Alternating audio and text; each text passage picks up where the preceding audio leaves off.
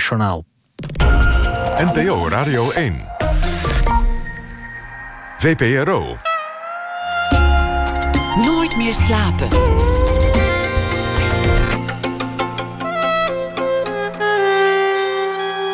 Met Pieter van der Wielen. Goedenacht en welkom bij Nooit meer slapen. Na één uur komt Henk Hofstede op bezoek van The Nits. De band heeft een nieuw album. Angst met verhalen over brommers en over naoorlogse jaren en over de tijd van de bezetting zelf.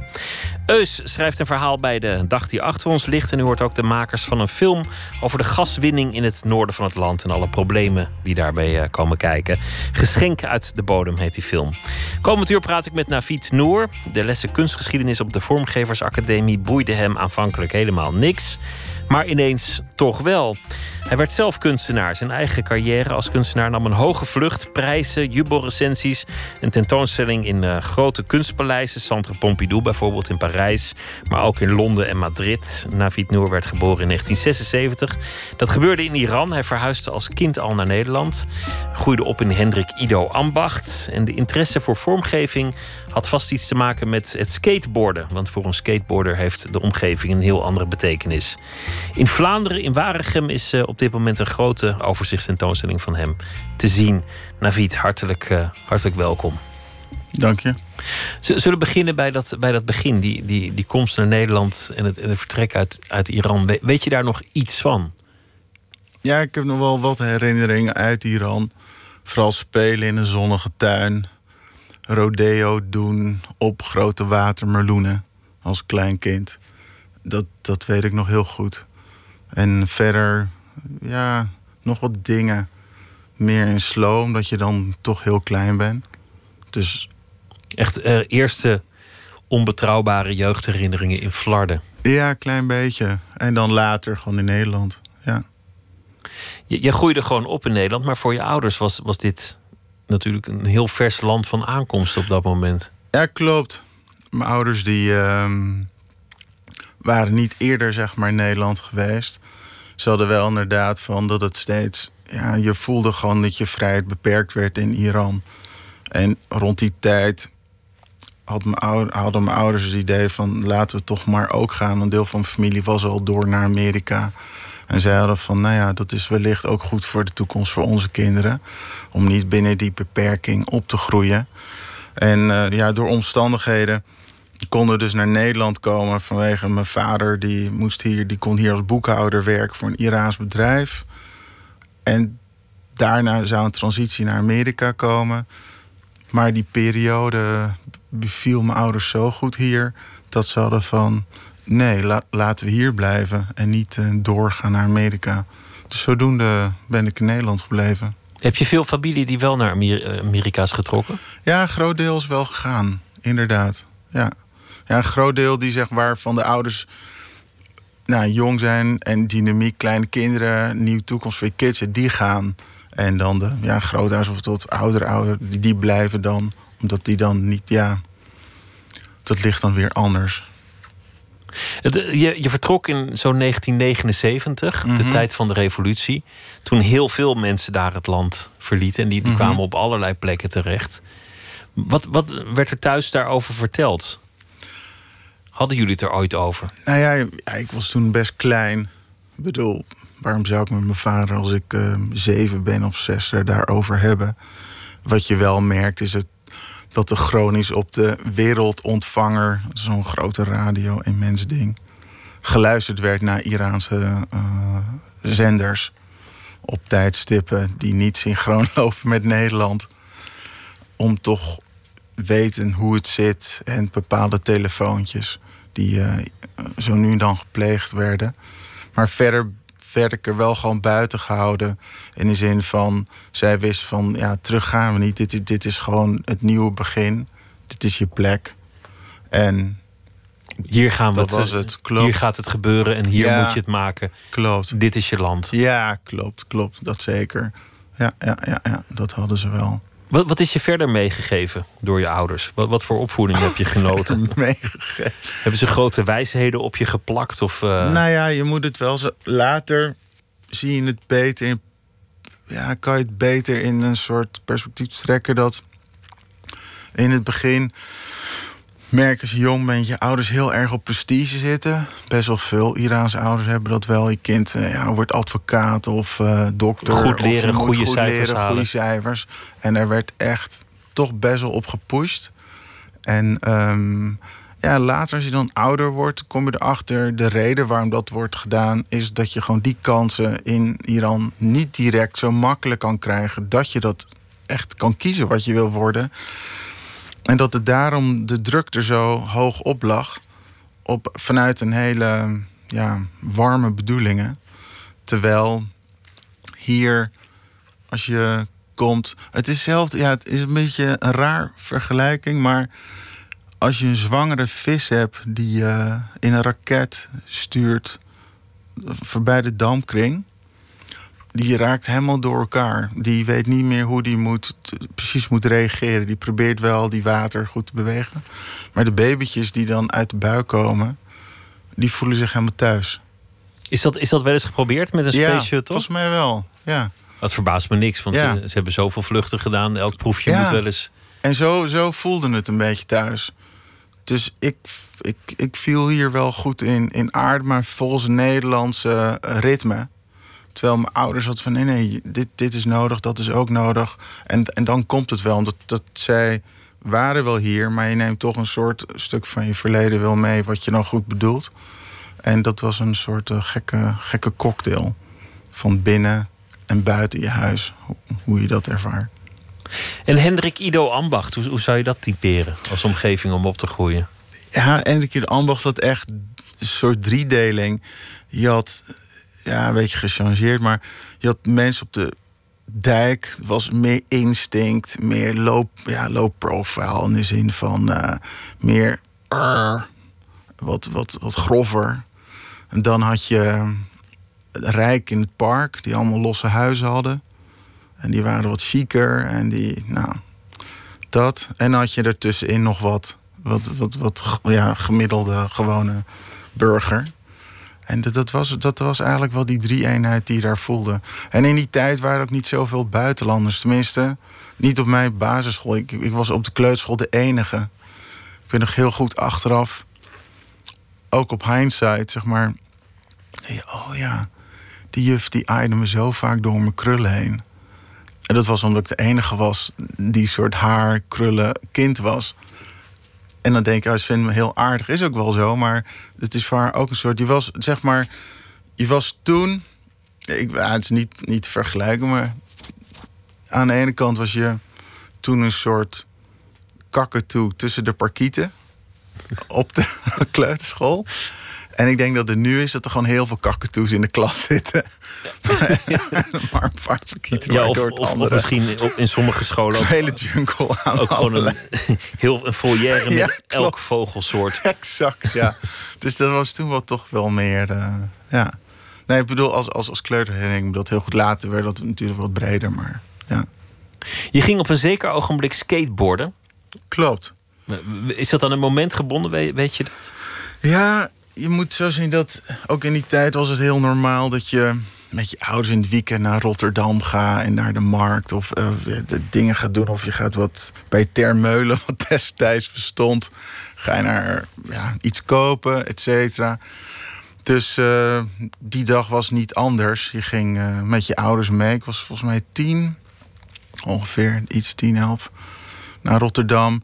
En in één keer hoorde ik een tik, tik, tik, tik, tik, echt heel hard geluid. Ik dacht van, wow, wat is dit? En ik draaide hem om en ik zag een jongen vlak langs me zo voorbij eh, naar me toe komen. Net, net, net niet langs me, er lag een blikje op de grond. En ik dacht oh nee, zo meteen valt hij om van zijn skateboard. Hij, gaat, hij raakt niet... Dat was best wel een soort paniekmomentje van, wow, hij...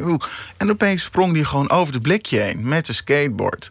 Nou, dat, was, dat heeft zo'n impact gemaakt van... oh my god, dat je dat gewoon kan met een plank en wielen. Dat je gewoon over dingen heen kan en niks staat je in de weg. En ik weet nog zo goed dat geluid en die ollie, zo heet het... Als een soort slow motion heb ik die honderd keer in de auto toen ik naar huis ging afgespeeld. En ik wist niet wat dat ding was. En mijn ouders ook niet. Dus toen heb ik dat dus op schoolplein beschreven alsof je weet ik veel. Uh, op een vliegende schotel of zo. Exact, ja. ja. Ik zag dit ding. Het zag er zo uit. Die en die.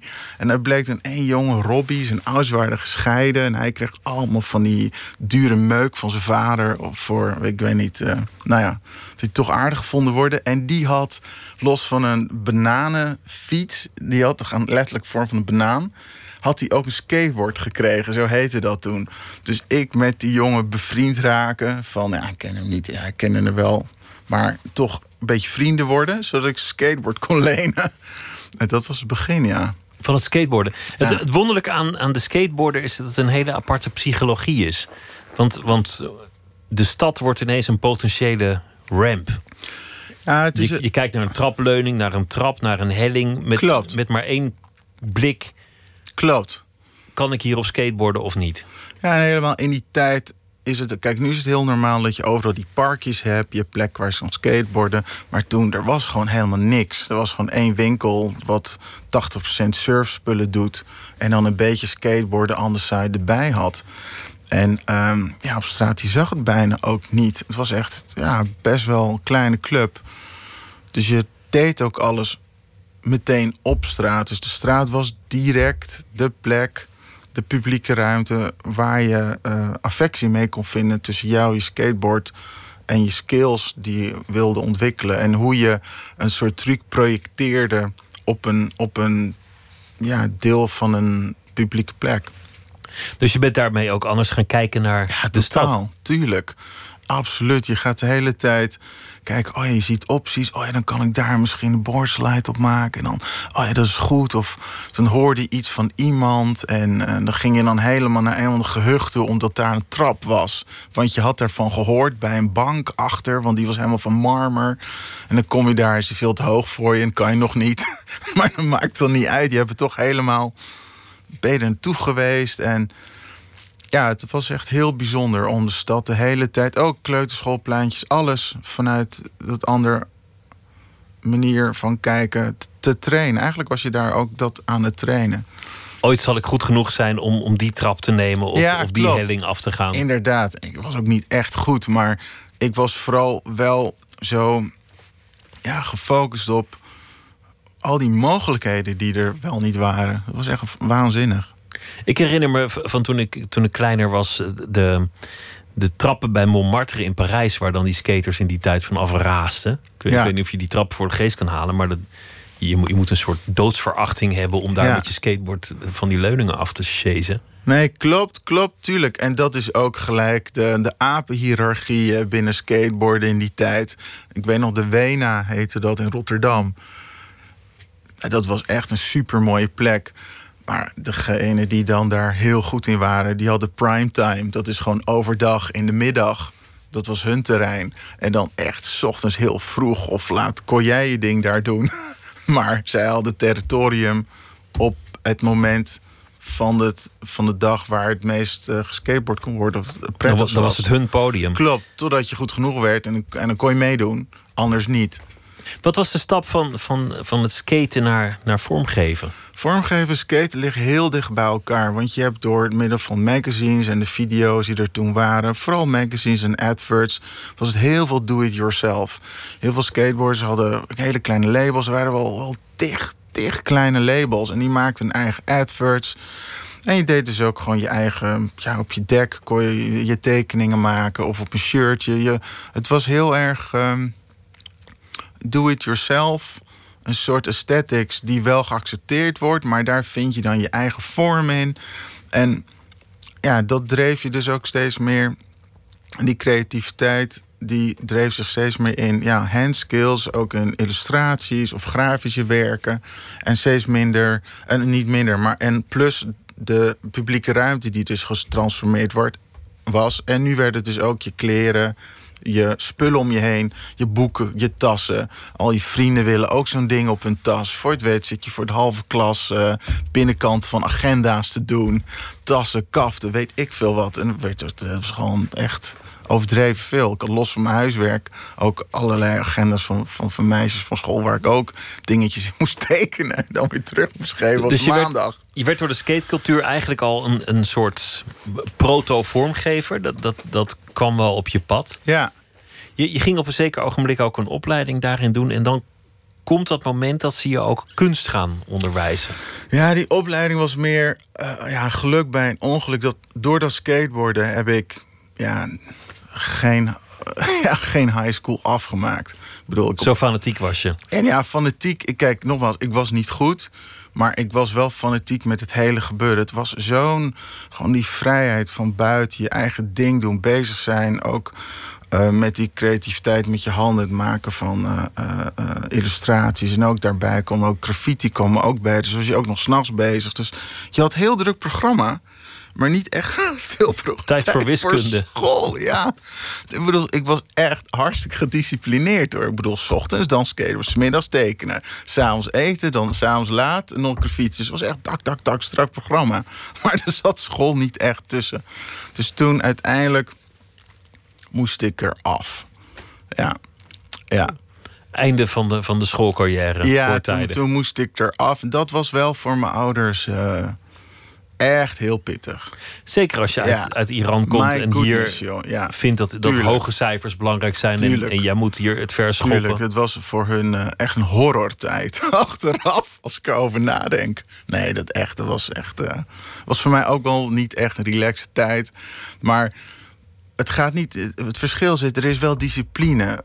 Als ik begrijp wat ik bedoel. Je leert, je traint wel iets. Alleen je weet nog niet precies waar, waarvoor. Het is een beetje ja, van die oude Lord of the Rings dingen. Van is er Jedi ding. Je, je, traint ergens voor, maar je weet nog niet wat je destiny gaat worden. Dus je was gedisciplineerd, maar nog niet gepassioneerd over iets. Ja, dat misschien wel. En ook wel gepassioneerd over iets wat je niet om kan zetten in een, in een vak. Weet ik veel dat vormgeving uiteindelijk een echt vak is, eh, bij wijze van spreken. Dus, dus ik ben er ingerold doordat ik andere kids had die van school waren. Ja, die zeg maar om andere redenen dan ik, zeg maar, iets illegalere redenen niet meer op school zaten. Die zaten op de grafische school. En daardoor wist ik van, oh, wow, die bestaat. Dat kan je dat doen. En ja, daar wilde ik ook deel van worden. Ja. En toen zat je daar en toen, toen kwam eigenlijk de kunst geleidelijk.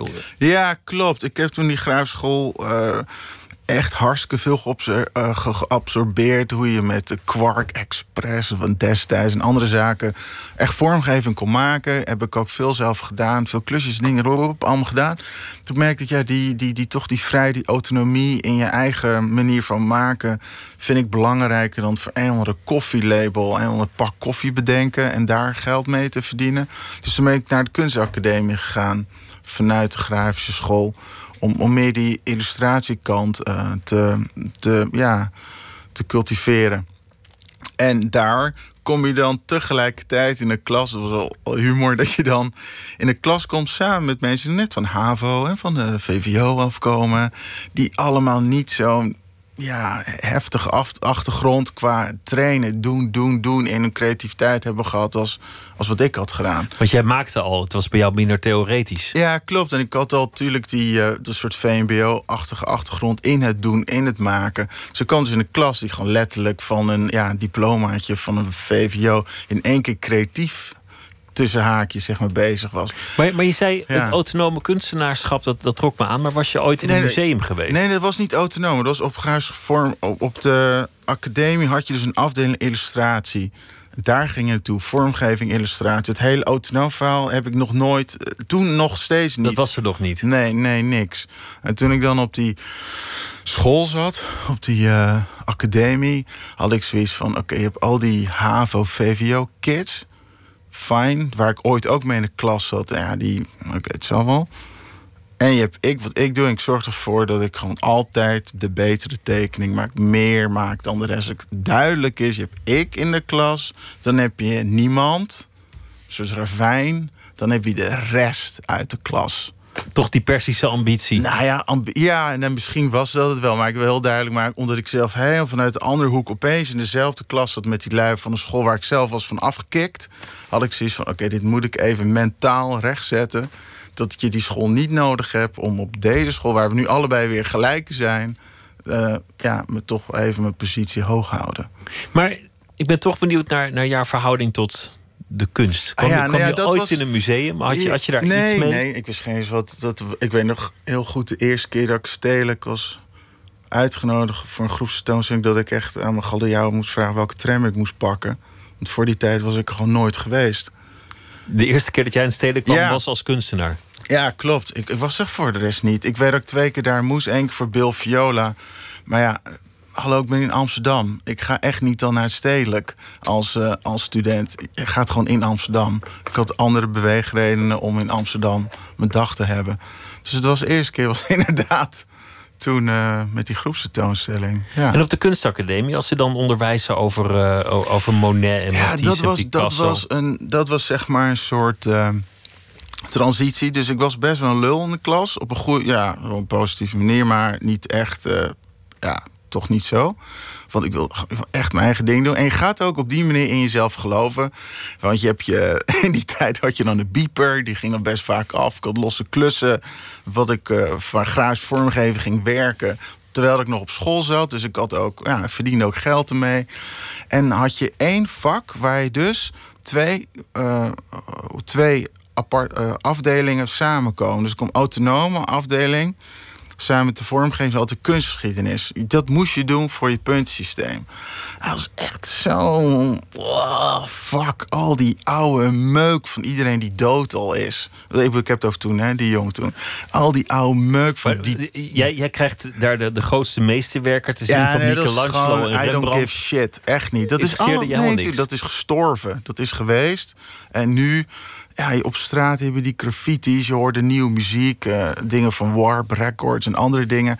Je zit gewoon midden in wat nu borrelt en bezig is. Dit is al hartstikke geweest. Het was een soort visuele antiekwinkel. Wel mooie onderdelen. Ik bedoel, wel denk ik van... wauw, dat ze dat ooit gemaakt hebben. Maar hartstikke antiek. Beetje zo, eh, met die houding. En ook nog niet de link leggen dat het allemaal elkaar nodig heeft... waardoor je dus vooruit kan, et cetera. Puur even ja, instinctief in, dat, in, in die klas zitten. Totdat dus Monet kwam. Nou, als er iemand er echt totaal niks mee kon... was het dat die, van, die, van die horrortuinen en van die vijvers met van, nog meer bloemen. En ik moest altijd van die bejaardencentra's denken... dat ze dan van die cheapo posters hebben hangen... of van die hotels. Heel deprimerende eh, eh, slides waren toen, dia's, die voorbij kwamen. En nogmaals, eh, ik heb het over toen, hoe ik er toen naar keek. Nu denk je daar anders over. Ja, en wat op een bepaald moment kwam er dus één slide voorbij van een totaal zwart, ra- ja, een zwart rechthoekig ding met een soort mint, mintgroene eh, ja, zijkant van een soort deur. Ik weet niet wat het was. Het zat er. Ik wist, niet wat het was. Was echt, en dat was ook van hem. Ik zei, wat is dat dan? Ja, dat was ook Monet die dan zijn huis in het licht van buiten schilderde. Dus toen ging hij in de tuin staan. Dus niet de tuin schilderen, maar keek hij naar zijn huis en dan ging hij het luik schilderen. En er was één abstract zwart ding met zo'n minten baan. Het leek wel echt een soort, soort bijna graffiti-achtige. Het was echt heel powerful. Ik dacht van, waarom in godsnaam dat doen? Terwijl je al die, al die, al die kleurdingetjes pakt.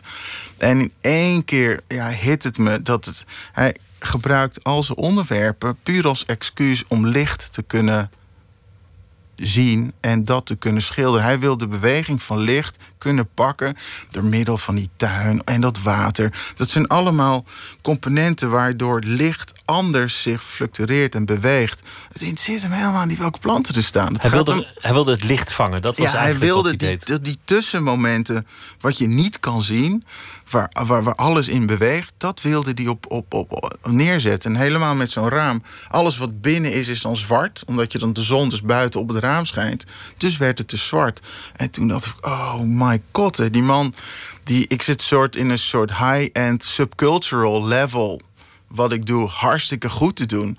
Maar hij zit gewoon in een soort meta-level eh, qua culture waar die dingen goed in doet. Toen had ik van. Wat de hel ben ik mee bezig, joh? Wat, waar, wat, wat, wie ben ik die denkt dat ik goed bezig ben... omdat ik eigenlijk onbewust of bewust dus ook aan al die subcultural regels vastzit. Ik kan niet met een pak vlaan graffiti gaan maken... en dan credits van mijn vrienden krijgen, bij wijze van spreken. Je voelt eigenlijk dat je zelf in een, in een soort comfortabele zone was blijven hangen. Omdat je voldeed aan regels, maar niet de grenzen opzocht. En, en zoals Monet dat had gedaan. Ja, ik dacht dat ik dus grenzen opzocht door andere ja, eh, gebieden van nu te gebruiken. Maar toch moet je je dan weer conformeren aan je subcultuur waar je in zit. Of, of een vormgeving wat voor een product bedoeld is. Hoe creatief het ook mag wezen. En dit ging beyond all dat. En toen dacht ik van ja. Dat thema van het, dat, van het vangen van het licht. Monet heeft dat gedaan. Matisse heeft ook zo'n beroemd schilderij dat hij, dat hij uit het raam kijkt. Komt in heel veel van jouw werk terug, het vangen van het licht. Je hebt, je hebt een, een, een, een, een foto-achtig iets gemaakt waar je, waar je de baan van de zon van een jaar kunt volgen. Ja. Een heel mooi beeld, maar je ziet eigenlijk dat, dat de aarde rond is. En, en wat er allemaal gebeurt als je, als je zeg maar zo'n langzame foto neemt. Klopt, die foto is een. De, de zon die doet twee keer een half jaar omhoog en dan een half jaar naar beneden. En precies op de dag dat hij dat doet, zet je. Ja, dat heet solargrafie. Zet een foto, zet je een blikje. In dit geval zijn het ook energy drinks die echt over ja, een soort kracht gaan. En die maken een foto van die zon. En dan zie je die, ja, de enorme banen van al die dagen over elkaar heen. Het is, ja, het is een heel sterk, uh, mooi beeld. Samenwerking met hoe het blikje, het label daarvan en het totaal. En er zit ook een uh, kaartje van de trein of een vliegtuig bij, zodat het ook weer een soort destiny aangeeft waar het was. Maar alles weet je niet precies waar, maar je weet wel dat het allemaal connected is. Ook weer het vangen van het licht. Ja, in dat geval was het licht en vooral ook dimensie en tijd. Dat waren de drie uh, zaken. En een soort uh, ja, poëzie in relatie tot de tekst van het blikje. Hoe dat ook een energie van binnen opwekt wat je drinkt. En dit was letterlijk het blikje van binnen, maar dan beyond wat het kan geven. En dat het dan ook nog kracht heet. Dat is, uh... Ja, ja. Ja, het was. Uh... Nee, man, die, dat moment in die klas was zo heftig dat ik. Ja, ik heb echt toen. Uh... Ik ben gewoon uit de klas gestapt en. Ja, soort, het was heel soort... zwaar ja, eigenlijk een soort openbaring of ja, zo. het was echt, het was echt heel zwaar. En toen heb ik daardoor weer mijn school niet afgemaakt. diploma's zijn gewoon niet je ding. Toen heb ik uh, weer een andere afdeling gegaan, ja, inderdaad. En toen dacht ik van ja, ik moet iets met die kunst. En toen was er iets van een soort masterclass heette, dat wist ik veel wat het is. En dat was toen in ateliers had je en iets in Rotterdam. Nou, en uh, toen, toen ben ik in Rotterdam aangenomen. Dat was echt rehab. Dat was mijn visual rehab tijd. Dus toen heb ik niet geskateboard. Ik heb geen klussen aangenomen. Ik heb nul geld verdiend. Ik heb echt gewoon een soort... Voor mijn gevoel, ja, gewoon een soort poor man. Uh, maar dan volledig met je mind into art, art history gaan zitten om, om, om even uh, een inhaalslag te maken. Om nog meer meta-level mensen te, kunnen, ja, kun, daarover kunnen lezen. En dat was echt rehab, dat was erg zwaar. Laten we luisteren naar uh, muziek voor we gaan praten over je, je werk en je loopbaan als kunstenaar. Angus en Julia Stone en het nummer heet Oakwood.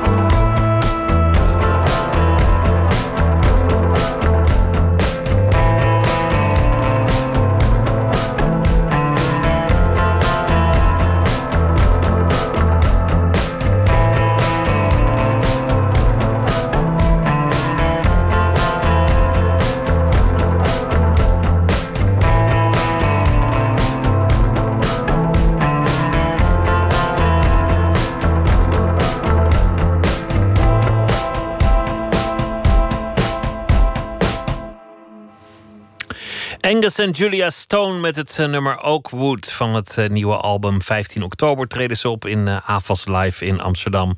Nooit meer slapen in gesprek met Navid Noor. Hij is een inmiddels bekend kunstenaar, heeft een zeer succesvolle loopbaan.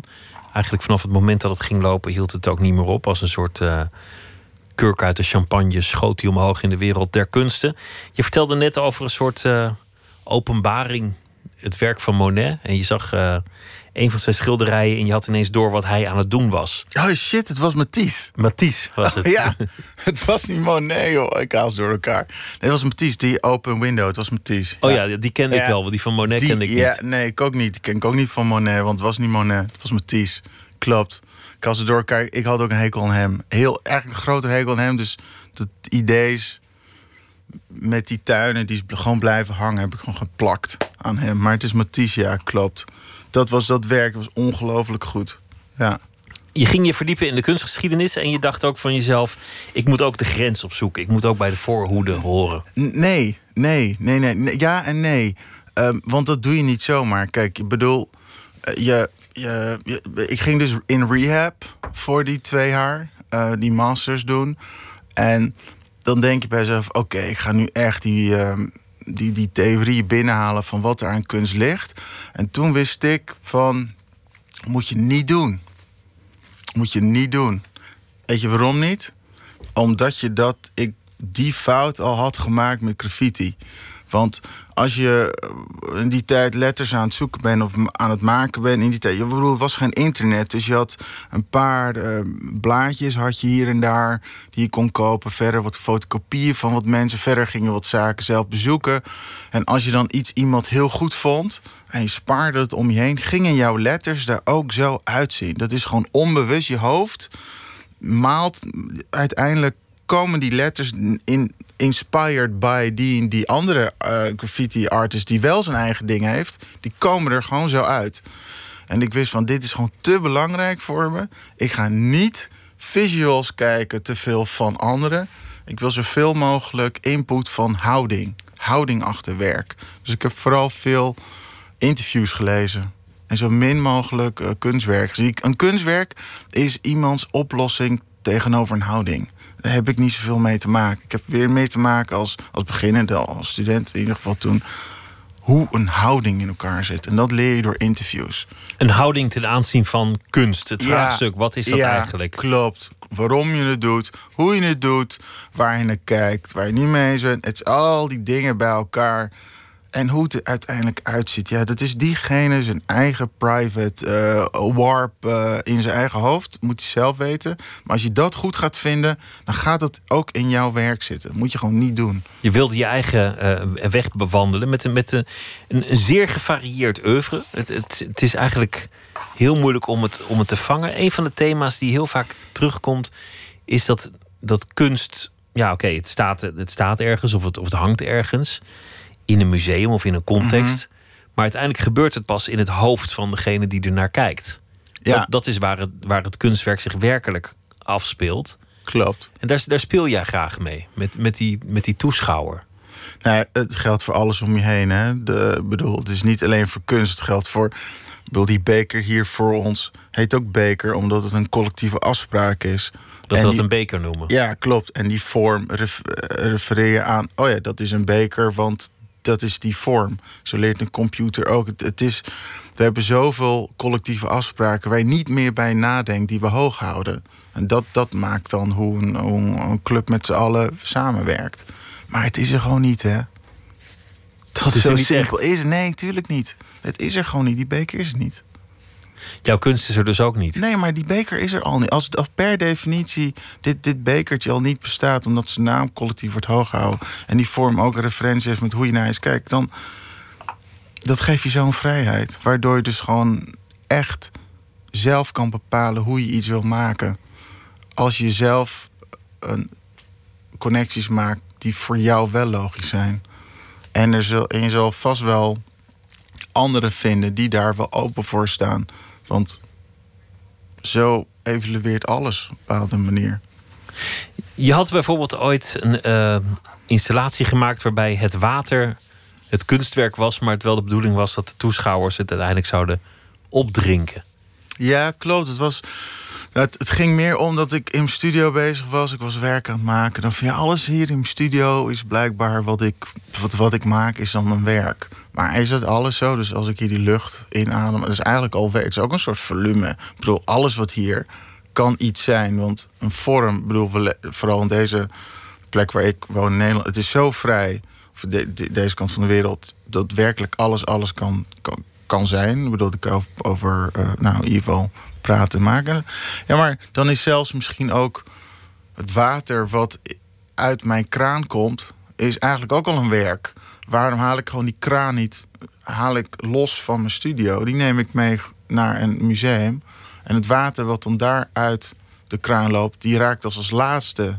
Sorry, uh, de, de, de, de, uh, nou? de buizen loopt. Raakt als laatste mijn kraan aan, daar loopt het doorheen. Dus dan is het werk kunst. En dat heb ik gedaan. Dus die was aangesloten in het smak. Volgens mij één keer. Was het een smak? Of was het. Nee, Kassel. En toen één keer in het Bonafante Museum. En daarna nog een paar keer. Waarbij die kraan wordt aangesloten aan de water. En daar worden dan flesjes mee getapt. Want dan vang je dus die kunst op. Je hebt ook wel eens uh, mensen gevraagd om te schieten op je werk. Nou, het is niet zozeer. Is, ja, met die pijltjes. Die pijltjes waren meer van. Er worden zoveel kunstbladen. Of er wordt veel uitgebracht. Zodat je over kunst nadenkt. En naar kunst kan kijken in een magazine. Maar dan heeft het zijn werk ook weer gedaan. En dan is het materiaal. En als het weer materiaal is, is het dus ook gewoon een object of een kunstwerk in theorie. Want het heeft een soort materiaal, het heeft vorm. Waarom niet dat dan weer recyclen tot pijltjes waar je mee kan schieten, zodat je ook die inhoud letterlijk weer omzet in een, in een handeling. Wat die handeling waar anderen weer naar kijken, een werk is. En dat is ook heel healthy voor kunst als het op die manier. En ik kan ook bepaalde gevoelens kwijt. Ik weet nog heel goed dat het werk voor het eerst is opgesteld. Mensen, oh, ik vond die kunstwerk van die man al helemaal niks. En als ze dan die bladzijden eraf scheurden met heel veel, heel fijn gevoel. Dus het was ook therapeutisch voor een deel, voor sommigen. Maar als je dat werk dan weer Zwitserland laat zien, kan niemand pijltjes draaien. Dus dat is ook weer heel cultureel. Dan zitten ze echt ernaar kijken naar dat werk van oké, dit is kunst. En nee, je moet, je moet pijltjes draaien. Oh, ja, dat kan ik niet. Dus dan merk je dat dat eigenlijk heel erg weer in Nederland wel kan omdat het, dat het te heilig is voor sommigen. Nee, niet heilig. Die, kun, die hebben gewoon nog nooit als kind pijltjes gedraaid. Van, dat vind jij normaal en ik ook. Maar andere landen niet. Het is niet overal zo. Het fenomeen pijltje, net, net zo binnen als vliegtuigje, is een uh, culturele vanzelfsprekendheid. Absoluut, absoluut. En daar kom je dan ook achter van... Hey, hoe diep je afspraken zijn tegenover de buitenwereld... hoe je opgroeit, is ongelooflijk hoe... Uh, hoe gewoon grote invloed dat heeft. En ja, het is er gewoon je maakt het zelf aan, hè? Maar wat, wat, wat wil je? Want het is, het is niet een provocatie. Of je wil ook niet de vraag stellen: wat is kunst eigenlijk? Of het museum op de hak nemen. Daar gaat het allemaal niet nee, om. Ik denk dat het werk wat ik zelf wil maken. Eh, misschien een beetje farfetch. Maar het enige wat ik wil doen. Is dat de Kijk, sommige werken die hebben een aanwezigheid. dat ze kunnen bestaan. nadat ze tentoongesteld zijn. Als, als in je kan het verzamelen. Heel veel niet. Dat vergaat gewoon, dat is er niet. Maar het werk wat overblijft, is iets wat je referentiekader kan oprekken.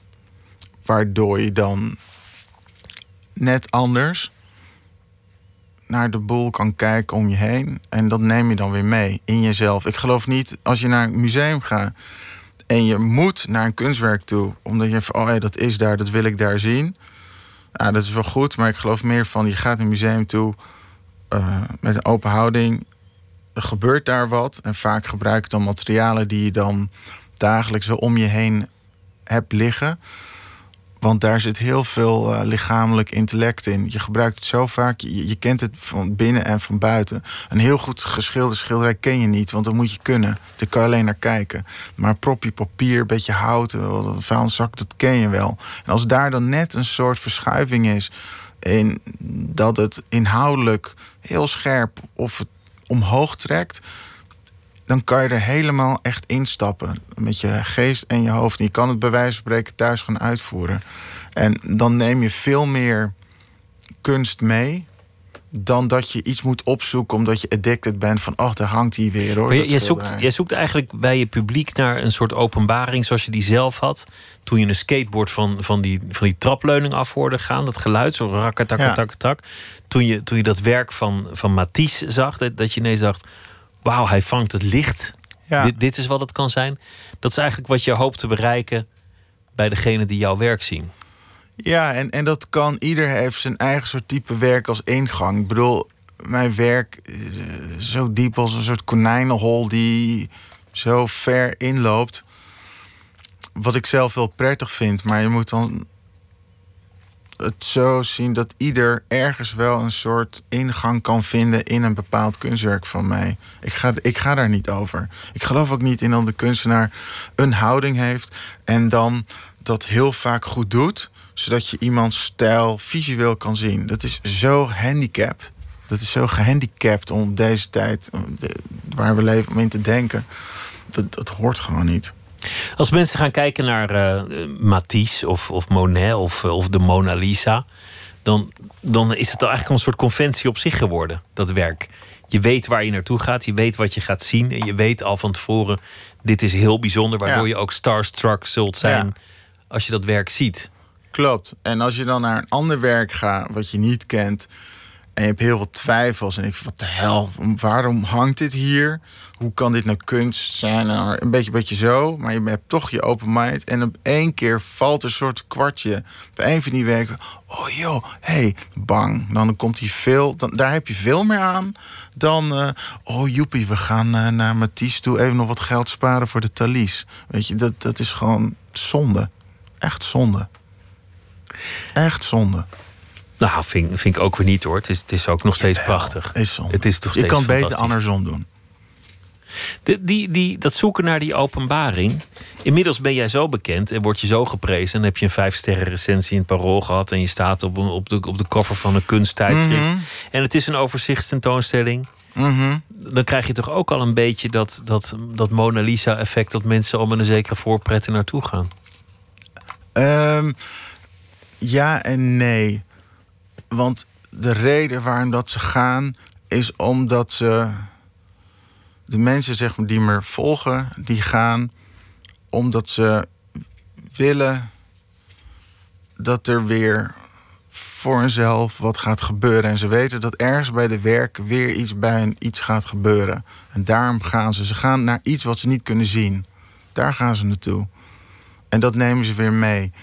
En de club die komt is nog steeds best niche. Tuurlijk, het gaat, het gaat goed. En het gaat ook goed omdat die concentratieboog in al die kleine werkjes en de grote ook zitten. En dat er echt wel serieuze keuzes worden gemaakt om een kunstwerk te maken. Ik bedoel, het, is geen grap wat ik doe. Maar het, het, het zal nooit zo groot worden. Het zal ook als werken die fysiek leunen op een traditie. Dus a- als ik alleen maar schilderijen had gemaakt en die dimensies wilde openbreken, et cetera. Nou, dan had ik een andere soort eh, eh, carrière gehad. En zou je het ook als een soort vorm al aanvoelen voordat je die zaal binnenkomt. Oh ja, daar hangt er een van die. Als je, als je bij mij komt, denk je, oh, het is een soort, soort wakke groeptentoonstelling. Als je mij niet zou kennen, bij wijze van spreken. Gordijnen van schuurpapier bijvoorbeeld. Of, eh, Ja. of, of, of werk dat juist door de reflectie van de toeschouwer gaat werken. Ja. Dat het dan ineens pas volledig wordt. Ja. Je moet er naar kijken om het te kunnen zien. Veel spel met taal, met letters. Het gewicht van de verf van de verschillende letters. Eh, Klopt. Allemaal eigenlijk een spel met de werkelijkheid steeds. Ja, en elke keer ook onderzoeken van waar zit het nou in. Bijvoorbeeld, ja, een heel simpel voorbeeld. Je hebt heel veel neons binnen de beeldende kunst van Bruce Nauman of Mario Hertz van die oude. Ook, ook Fontana had een, een heel plafond vol. Maar die, die neons gaan dan heel veel om vorm. En wat je met die vorm kan doen. Er zijn heel weinig neons die gaan over het materiaal, over de volume en over het concept. Wat je met die handelingen kan doen.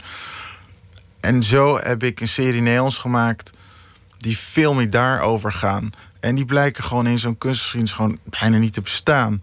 En je merkt ook dat de kunst te snel gaat. Het gaat gewoon te. Er is zoveel. En zodra iets goed is, dan worden er vijf nieuwe van die soort versie gemaakt, zodat het blijft hangen. Het heeft allerlei andere beweegredenen waarom je. Waarom dat je eigenlijk iets ziet, ook in musea. Het, het is allemaal niet zo, uh, zo open en vrij. En ik vind het een, ja, bijna echt een eer dat ik dat wel kan proberen en kan blijven doen en durven. En dat er mensen zijn die daarin geloven en, en dat ik dat mag. Heb je, heb je sinds die openbaring en sinds je serieus koos voor het kunstenaarschap onophoudelijk gewerkt? Elke dag? Ik, ja, nou ja, ik weet niet. Kijk, werk is ook. Ik heb ook een keer met de family, tenminste mijn vrouw en twee kids, drie maanden vrijgenomen op een eilandje gezeten in, in Zweden, omdat ik moest nadenken. En, en zij ook. Op een goede, fijne manier. Maar dat is ook werken. Ja, ik weet niet wat je bedoelt, eigenlijk. Wat, wat gebeurt er dan als je, als je drie maanden nadenkt? Je gaat met je gezin naar een eiland. Ja, klopt. Wat er gebeurt is eigenlijk in het, in het klein is dat wat er gebeurt is dit. Eerst drie weken vakantie. Volgende drie weken is een beetje, nou, een beetje aanleuren, een beetje weekendgevoel andere drie weken zeg wat de hel doe ik hier? Ik wil eigenlijk werken, want fysiek moet je gewoon iets gaan doen. Je wil niet nog langer zitten. En dan die laatste drie weken kom je erachter van ja, niemand heeft je nodig. Die natuur gaat gewoon door, die vogels doen hun ding. Als je dood bent, zijn er nieuwe mensen. Dus doe gewoon even wat echt belangrijk is. Wat jij denkt wat belangrijk is. En luister niet te veel. Ga geen kunst maken, maar verkondig echt een werk vanuit jezelf dat is wat overblijft. Het is een hele gezonde relativering, ook, maar misschien ook wel zo'n soort loutering of, of, of, bijna een soort openbaring zoals je die eerder met skateboard en, en Matisse ja, had. Het pittige van deze is wel dat ik er zelfs nu achter ben gekomen dat ik maak zelf, net als dat water en andere werken, een soort logica in mijn hoofd.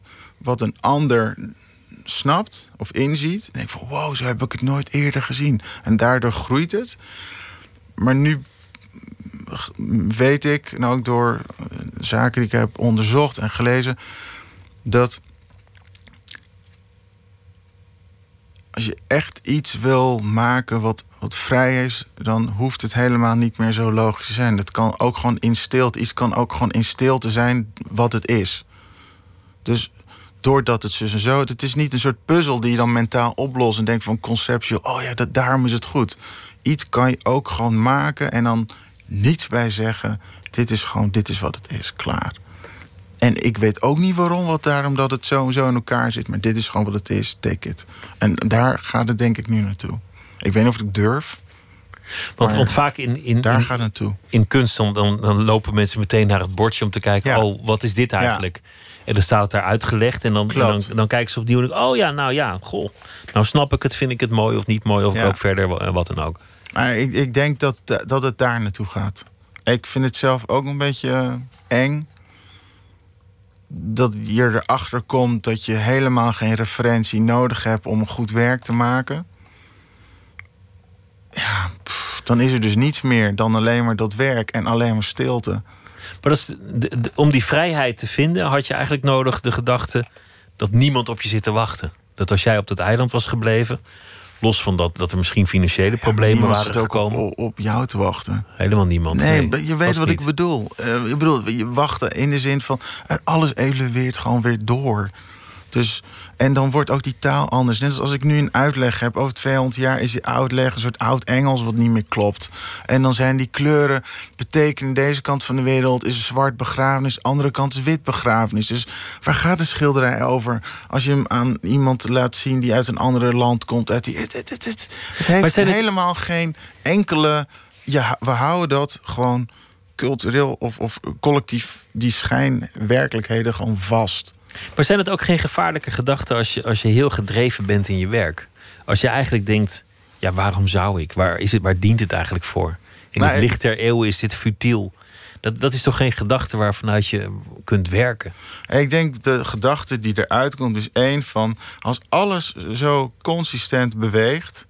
dus nu al per definitie, maakt niet uit wie waar vandaan komt... anders iets kan lezen of kan zien dan zou ik zelf iets kunnen gaan maken.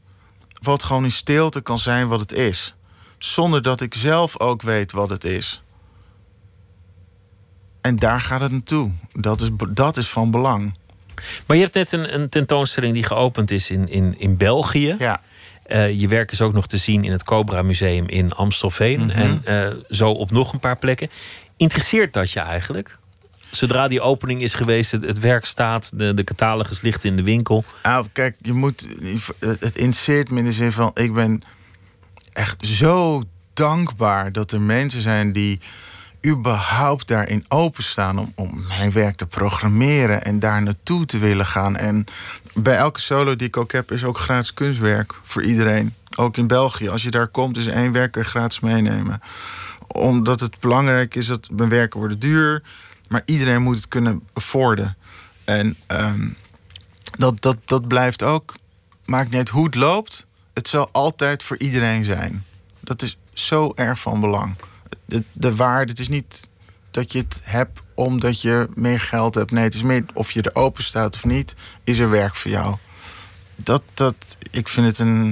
Ik kan er nog steeds niet bij dat het uh, op die manier gewoon loopt. En ik, ik weet dat ik het zo moeilijk voor mezelf ook maak. Dat je, dan, dan gaat iets heel goed. Of financieel met bepaalde werken. En dan doe ik ze niet meer. Of dan doe ik het anders omdat ik zelf even doorga. Net als nu weet dat ik werken zou moeten maken die in stilte gewoon zijn wat het is. Ik vind het zo moeilijk. Ik weet dat ik dat moet gaan doen. En daarmee trap ik al mijn andere deuren weer in. Wat ik ervoor heb gedaan, wat ik heb opgebouwd. Of waar iemand me van, van, van kent. Ik weet gewoon dat ik dat moet doen. Maar het, dus die, ja. het werk dat staat interesseert je eigenlijk niet meer in die zin dat, dat je alweer verder bent. Je, jij wil nou, naar voren. Naar ja, de in, in de zin van het staat er om die evolutie. Ik ben er om het vertrouwen. Ik heb vertrouwen van een grote groep. Die hebben zoiets van: joh, jongen, doe, ga, doe jij gewoon dat? We komen wel kijken. We, we, we, kopen het wel. Er zijn zat anderen die het anders doen. Die zijn daarvoor bedoeld. Maar ik weet dat ik dat is niet mijn weg. Dit is die van mij. En Waar ben je over drie jaar? Oh, Jesus. Over drie jaar. En wat maak je dan? Ik, ma ja, ik zit nu zo diep in. Uh, in, in, uh, in ja, ik, dat gaat niet in vijf minuten. Maar. Uh, ik ben nu werk aan het maken met. Uh, het heet keramiek, maar het is meer een transformatie van hitte. Dus het mooie aan, aan, aan hitte is dat je uh, werk maakt met materialen die uit bepaalde locaties en context kunnen komen. Die gaan een transitie door waar je niet bij kan. Dat, dat is zo heet, daar kan ik niet bij. En dan komt het uit als iets wat niet, die je niet meer kan terugdraaien. En het is een uniek, unieke uh, ja, moment wat het meemaakt en object wat het is. En het heeft ook een hele oude reference naar oud, waar je ook keramiek had. Terwijl, en heel veel keramiek heeft ook geen uitleg meer. Het is gewoon wat het is. Het, het is heel, keramiek heeft heel veel facetten als antwoord waar ik eigenlijk mee aan het struggelen ben om te kunnen uiten. Want dat heb ik gezien in, uh, in Amstelveen. Het was volgens mij zelfs heel oud materiaal, dinosauruspoep of zoiets. Ja, dat is maar één, één werkje waarvan ik wist van... die valt nog tussen mijn oude denken... niet oude denken, maar tussen denken wat ik doe... en, en waar ik naartoe ga. En nu, ik train al drie jaar potten bakken en al die dingen gewoon hardcore... in mijn studiootje daarvoor. En nu, nu is het tijd om... Uh, om bepaalde werken te maken die gewoon in stilte gewoon zijn. Maar, boah, ik weet het niet hoor. Ik, ik moet het doen. Ja, anyway. Je moet het gewoon doen. Je moet ja, vertrouwen het hebben. echt voor heel veel werk. Waar ik, heel veel werk vind ik heel moeilijk. Heb ik ook niet veel zin in. Maar je moet er gewoon doorheen. Dus het is meer een soort coach. Die houding is een coach. Die sleept me er wel doorheen. Dus uh, laten we afwachten. Je ouders kunnen wel trots zijn op je. Terwijl, terwijl ze een, soort crisis hadden toen je van school uh, ging. Ja, nee, klopt. Het kwartje viel, uh, was zo humor toen die koninklijke... Wat is nou, welke prijs? Welke van de... Welke was het? Je hebt er meerdere gewonnen. Ja, ik wil even kijken. Oh, je hebt de kon Koninklijke Schilderprijs. Want dat was echt heel, heel classic. Van, je hebt de koningin, die dan mijn vader hand schudt. Hij heeft gewonnen, hij is goed. En dat was zoiets oké, okay, het zit wel oké. Okay. Dat was zo humor. De koningin staat erbij, nu het is het gelukt. zo goed, jongen. Hij is toch terechtgekomen. Ja, dan is het gewoon dan klaar. Nu kan ik mijn eigen dingen weer verder gaan doen. Ja, dat was, uh, was goed. En uh, nou ja, het is... Uh, ik ben benieuwd wat het gaat, gaat brengen. Alleen, het is zo belangrijk dat dat dit gewoon kan ook. Hè? Dat je zo kan denken. Je weet niet hoe belangrijk het is dat je in deze maatschappij zo nog kan denken en zo je werken kan tonen. Het is zo cruciaal. Het is ongelooflijk dat mensen ook komen en er dialoog in hebben. Oh, het is zo, dank oh, zo dankbaar dat ik dat kan doen. Ongelooflijk. Dank dat je hier te gast uh, wilde zijn, uh, Navid Noor. En uh, de tentoonstelling is in Waregem in Vlaanderen. Maar het werk is regelmatig te zien op vele plekken. Onder meer het Bonnefante Museum, het Cobra Museum. Nou ja, noem maar op. Dankjewel en veel plezier met alles Goed. wat je gaat doen. Zometeen gaan we verder met Nooit meer slapen. Twitter, het VPRO NMS. We zitten op Facebook en uh, de podcast via iTunes of de site van de VPRO. En uh, Eus heeft zometeen een verhaal bij de voorbije dag.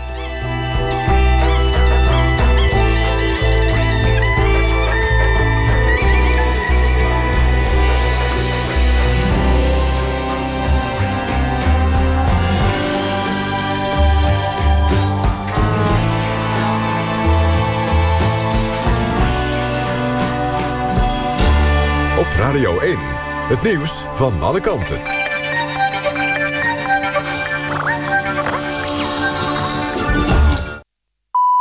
1 uur, Bastiaan Nachtegaal met het NOS-journaal. De SP doet niet mee aan de gemeenteraadsverkiezingen in Rijswijk en Hoorn. Volgens het landelijk bestuur zijn de lokale politici daar onvoldoende zichtbaar geweest op straat. Ook over SP'ers in 15 andere gemeenten is het bestuur ontevreden. Daar krijgen de politici nog tot begin oktober om aan te tonen dat ze de wijken ingegaan zijn. En anders zijn ook zij niet voor de SP verkiesbaar. Opvallend is dat de SP in Rijswijk en Hoorn in het college zit en dus wethouders geleverd heeft. Acht op de tien bewoners van verpleeghuizen zijn positief over de manier waarop ze verzorgd worden, blijkt uit onderzoek van het Sociaal en Cultureel Planbureau. Zes op de tien zeggen gelukkig te zijn, maar één op de tien is ongelukkig. Volgens de onderzoekers lijkt het soms slechter gesteld met de verpleeghuiszorg, omdat we vooral horen van de meest schrijnende gevallen.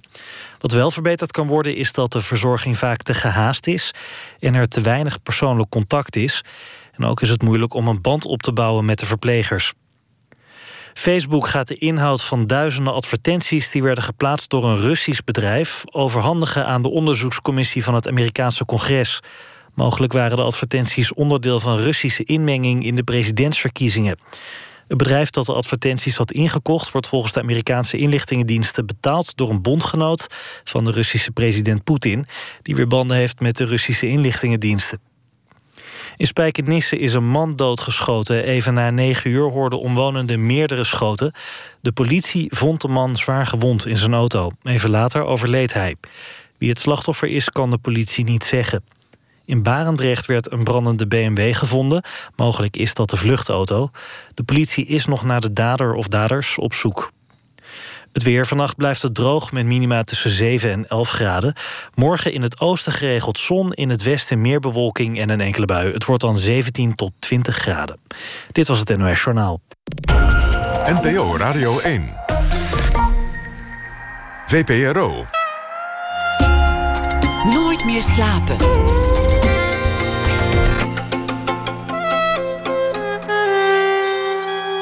Met Pieter van der Wielen.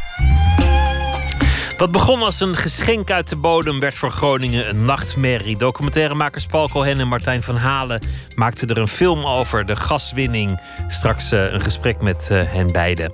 Henk Hofstede komt op bezoek van de Nits vanwege het uh, nieuwe album... waarvoor hij inspiratie putte uit de Tweede Wereldoorlog en de periode daarna. Eus leest een verhaal bij de afgelopen dag. En we gaan ook verder kijken naar nieuws uit de culturele wereld. Zondag zijn de Duitse verkiezingen. Er wordt veel geklaagd dat het saaie verkiezingen zijn. Er is een uh, groep die probeert daar uh, verandering in te brengen. Een satirische partij. De partij bestaat al langer, maar dit keer is de opschudding groter dan voorheen. Duitsland-correspondent Bertus Bouwman, goeienacht. Goeienacht. Die partij, wat is het uh, voor groep? Ja, het is eigenlijk helemaal niet zo bekend in Nederland. Maar ehm, Duitsland heeft serieus een satirische politieke partij.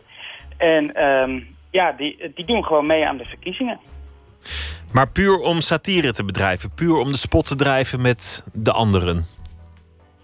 Nou, niet helemaal. Ehm, want uh, bij de vorige Europese verkiezingen hebben ze serieus in Brussel een zetel gehaald.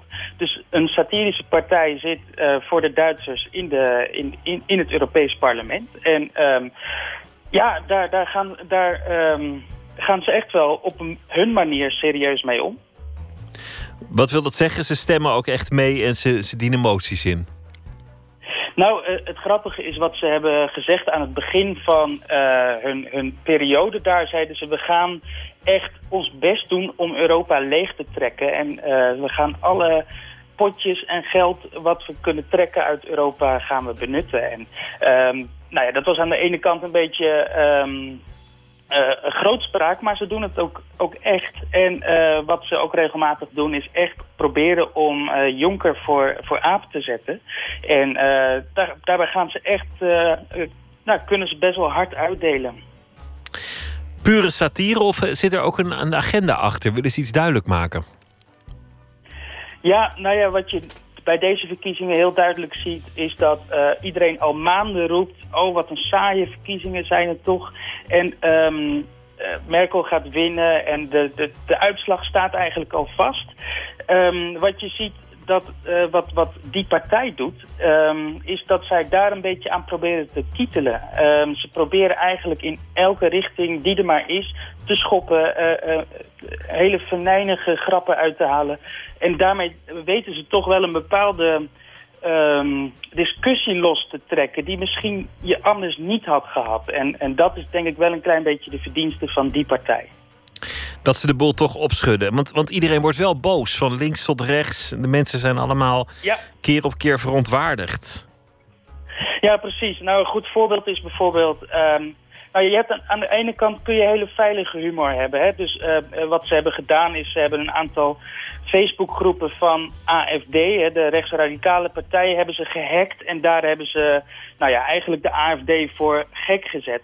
En nou ja, dat valt natuurlijk heel goed in alle, alle kringen, um, bijna bij alle andere partijen. Dus daar hebben ze heel veel applaus voor gekregen. Maar een paar dagen later, toen kwamen ze met een poster in de stijl van uh, de CDU, hè, dus de partij van Merkel. En die hebben een, een, een slogan, en dat is, wij gaan voor een Duitsland waarin we goed en graag leven. En toen hadden ze uh, eigenlijk die typogra typografie van deze poster hebben ze gepakt. En uh, daar uh, dat bekende beeld van dat vluchtelingenjongetje wat op het strand is aangespoeld, dood bij Turkije. Dat hebben ze daarachter geplakt en daar de tekst bij gezet voor een strand waar we goed en graag kunnen liggen. En um, ja, dat is echt keihard de hele wrange satire. En dat is echt heel veel mensen echt in het verkeerde keelgat geschoten. Maar tegelijk heb je daarmee toch uh, het debat weer opengebroken. Zo kun je het ook zien. Ja, precies. En zo, zo zullen ze het waarschijnlijk zelf ook zien. Zelf uh, zullen ze daar nooit op een hele serieuze manier op uh, reageren. Maar dit is wel een beetje het effect wat je daarmee krijgt, ja. Maar met dat Duitse kiesstelsel maken ze kans op een zetel? Nee, ik denk het niet. Je moet voor de uh, Bondsdag moet je echt een, een uh, kiestrempel halen van 5%. En uh, dat gaan ze echt niet halen. dat, bij Europa hadden ze de mazzel dat de kiestrempel daar lager was. En daarom hebben ze het wel gehaald, maar anders halen ze niet meer dan 1%. Bertus Bouwman, dank je wel. En een goede nacht. Goeienacht.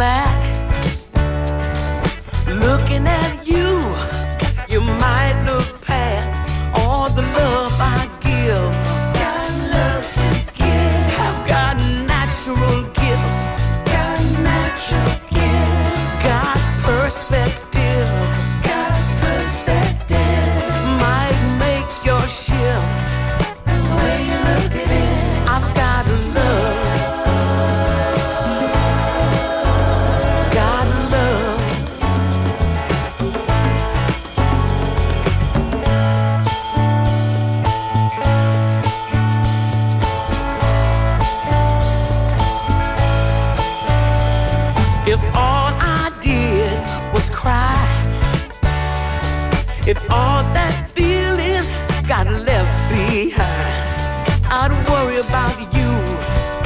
What's in your mind? I'd never live my life. Be you wasting my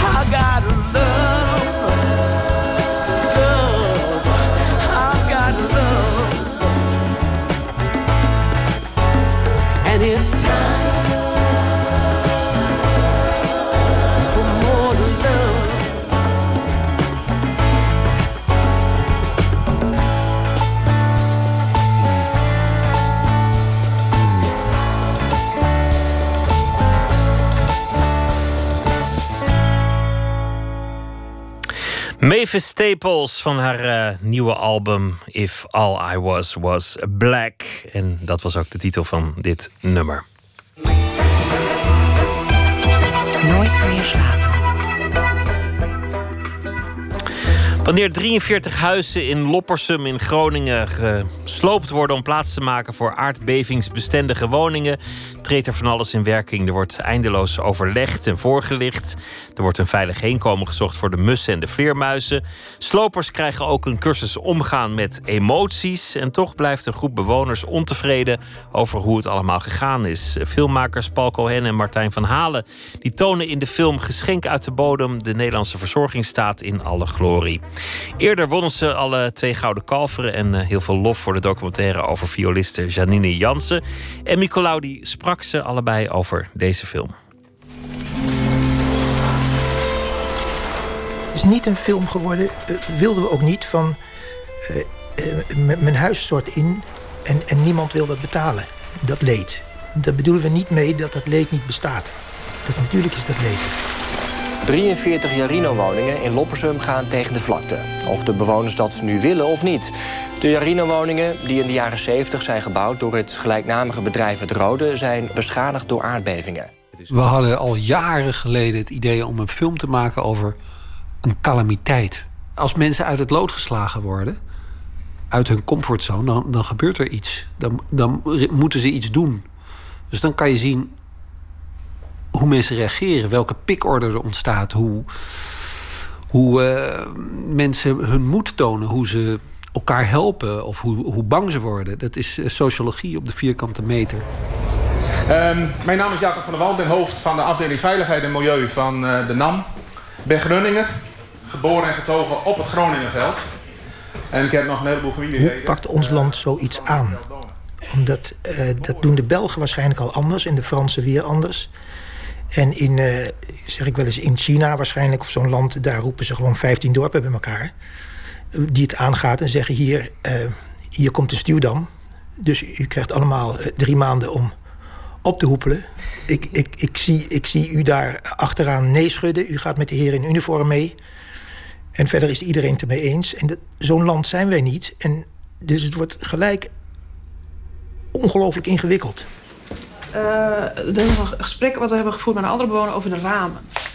Eh, de, in de basiswoning zitten aan de voorkant wat, eh, wat kleinere ramen dan de oude situatie. Want die Ja. Jarino-woningen hadden natuurlijk ramen die waren echt letterlijk kamerbreed. Ja, ja, Het is klopt. niet voor niks dat die woningen zo Een slecht van de redenen zijn. waarom ze niet versterkt zouden kunnen worden. Ja. Nu krijgt deze mevrouw kleinere ramen terug. Maar zij vaart wel bij veel daglicht. Dus zij ziet dit als een probleem. Het zijn keurige doorzoomwoningen die gesloopt moeten worden in Loppersum. De huizen en tuinen zijn overduidelijk met veel liefde ingericht. Paul Cohen en Martijn van Halen volgden het proces tot de sloop en zoomen in op alle betrokkenen. De bewoner die afscheid moet nemen van zijn vogeltjes in zijn zelfgebouwde volière. De eenzame actievoerder die actie, actie roept op de markt. En de ambtenaren die met engelengeduld boze mensen te woord staan. Ze filmde eindeloos in van die anonieme zaaltjes waar voorgelicht en overlegd wordt. En maakte met hun documentaire niet zozeer een portret van een aantal individuen, maar van Nederland en de Nederlander. Je zet dus jezelf en, de, en het probleem zet je weer een commissie. Een overlegorgaan. Dat, dat is typisch Nederlands, overlegorganen. Ja. En, en, die, eh, en die zet weer een overlegorgaan. Die komt met een conclusie. Die conclusie is dan heftig. En dan zeggen ze, moet er weer een, com- moet er weer een commissie komen... om te kijken waarom dat zo'n heftige conclusie is. En, en, en, en die mensen roepen alsmaar, waarom duurt dit zo lang? En hebben daar gelijk in, natuurlijk ook. Tegelijkertijd ontroert het me vaak dat wij zo'n land hebben. Hé, wat zijn emoties eigenlijk? Gevoelens van binneneus. Gevoelens van binnenuit, ja, heel mooi. Alles wat wij doen is gestuurd door emoties. Zeg wel eens, emoties zijn brandstof voor gedrag. Brandstof voor beweging. Geschenk uit de bodem is geen cynische film over het poldermodel. De makers trekken geen partij. Niet voor de actievoerders en ook niet voor de uitvoerende ambtenaren. Ze beschouwen eerder met stijgende verbazing hoe over werkelijk alles is nagedacht. Hoe niet alleen de bewoners een nieuw huis krijgen, maar ook de mussen en gierzwaluwen uit de wijk. En hoe zelfs de slopers leren omgaan met de gevoelens van de bewoners. Elk gedrag dat je tegenkomt is emotie gestuurd. Je krijgt van mij een blaadje, daar staan 40 buien van Donald Duck op. Als je dan al deze eh, stemmingen van Donald Duck wilt bekijken die in een hokje staan. Kijk eens naar die eerste, narrig.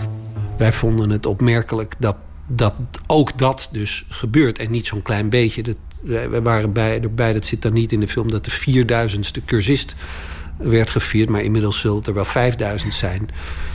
Dus dat is, dat is een eh, enorme organisatie. Eh, en verplicht, hè? Het is dus, eh, als je daar een klus wil doen... als aannemer of als timmerman of als stucadoor... eh, dan moet je die cursus doen. Het is aan één kant eh, een beetje lachwekkend. Aan de andere kant, als je erover nadenkt... het is toch fantastisch dat dat kan. Dat dat gebeurt. En dat er allemaal geld voor is. Wat er ontroerend aan is, is dat we het... eh, dan rijden we terug over de afsluitdijk... en dan kijk je zo'n beetje over het stuur... en dan denk je, zover hebben we toch maar geschopt. Dat, eh, dat we...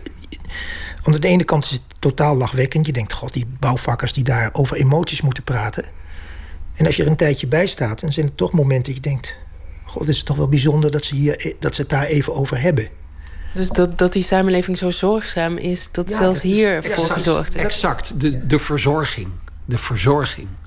In het begin van de film zit er een, is er een man die eh, een volière heeft. En hij praat over zijn vogeltjes. Vol liefde. En hij zegt: Je moet ze goed verzorgen. Ja. En dat is een cruciale zin in de film. Want het gaat. Dat is een, een klein zinnetje. die eigenlijk een, een thema draagt. Namelijk onze verzorgingsstaat. Ja. Die mede door dat gasgeld eh, heeft kunnen bestaan. Naar de verhuizing. Het was hier één zooi. Zandverstuiving en alles. En dan denk ik, waar blijft die burgemeester nou? Die stond, jullie zullen niks tekort komen. En ik zeg, je bent er nooit geweest. Het is, het is de- dat ze gecompenseerd moeten worden, is natuurlijk waar, maar het is, is het buitenste schilletje van de waarheid. Daarachter begint het. En dan wordt het gecompliceerd. Als je dan zegt: oké, dus iedereen dan een miljoen. Eh, nee, natuurlijk niet. Nee. Nou, dan een half miljoen. Eh, nee, ook niet. Maar hoeveel uur hebben wij erin gestoken om alles in dozen te maken? Naar mijn mening is het ooit een keer het woord vergoeding gezegd. En later doe ik daar weer... Nee, dat zat er niet in. En ik heb later op mijn knietjes vanaf boven alles gedwijld. Dus de een een wat meer en de ander wat minder, afhankelijk van hoe die. Ja. Oké, en daar begint het ingewikkeld te worden. En om daarin te stappen en dat op te lossen, dat is een enorme Gordiaanse knoop. En in dat oplossen zie je een beetje wat voor een land we zijn. Wij zijn natuurlijk wel kinderen van de welvaart. En eh, ja, in die zin eh, eh, is, is dat altijd een soort van onbewust gebleven. Dat, dat, dat je voor je eigen veiligheid moet zorgen in eerste instantie.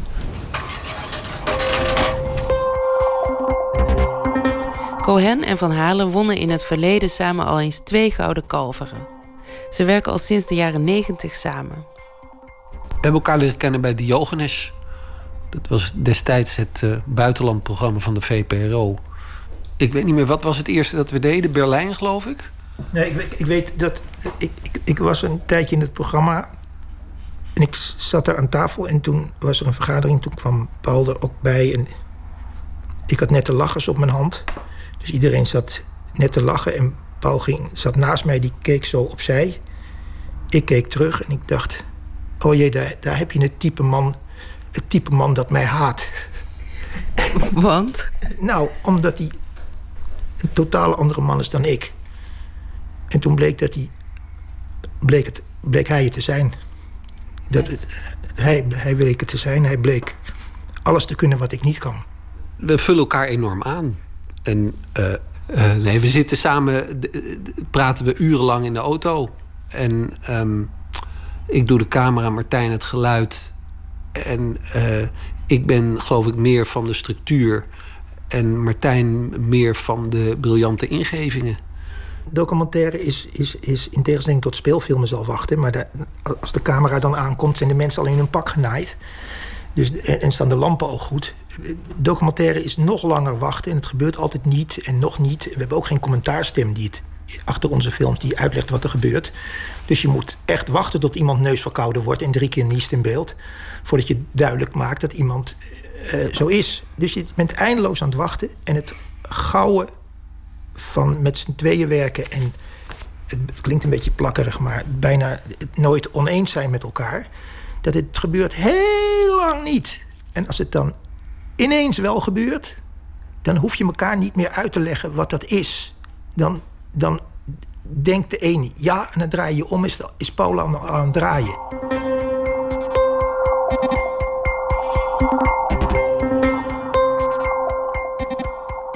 In een andere film filmden we een vrouw in, in een Fries huisje aan de haven die zat te breien.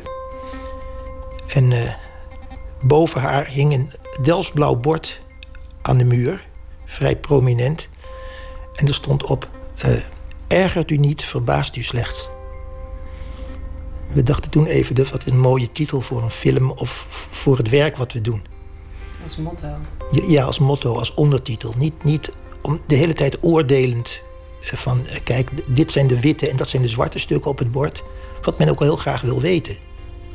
Maar, maar, maar gewoon kijken en, en, en, en daar de tijd voor nemen. Dus we zijn ook we zijn echt heel blij dat de film nu zo ongelooflijk in de smaak valt. Dat we ook die grote première krijgen. Eh, dat wisten we niet van tevoren, juist omdat het een beetje een afwijkend, tegenwoordig een afwijkend type film is. En die, eh, we hebben ook nooit eerder zo'n film gemaakt als deze. Dit is toch wel weer. We, we hebben wel ons stempel erop gedrukt, maar hij is toch anders dan onze vorige films. En eh, we zijn ongelooflijk blij en verrast ook dat eh, tot nu toe heel veel mensen hem heel goed vinden. Dus ergert u niet, verbaasd. Verbaast u slechts. Emmy Colau in gesprek met Paul Cohen en Martijn van Halen over de film Geschenk uit de Bodem. 24 september is de première op het eh, Nederlands Filmfestival en later dit jaar komt hij ook op tv. De Nits hebben een eh, nieuw album. Henk Hofstede die eh, zit hier al en we draaien een stuk van het nieuwe album Yellow Socks en Angst. Knitting by the fire, grandma is knitting.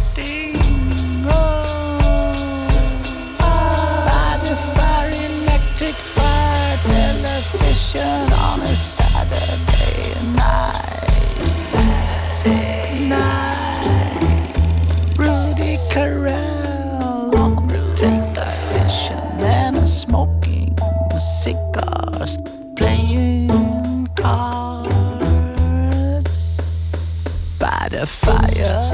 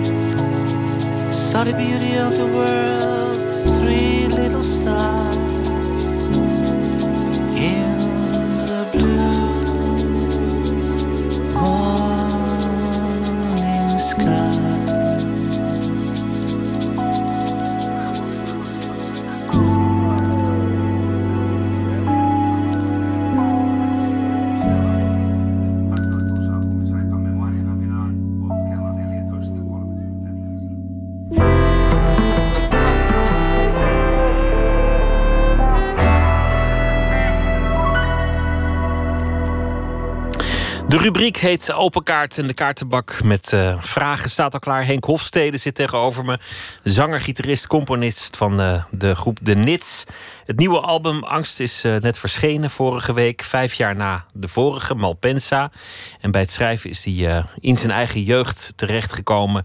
Teksten die verwijzen onder meer naar de bezetting van Nederland. Het naoorlogse Nederland en Duitsland. En natuurlijk ook brommers. Henk Hofstede, welkom. Welkom.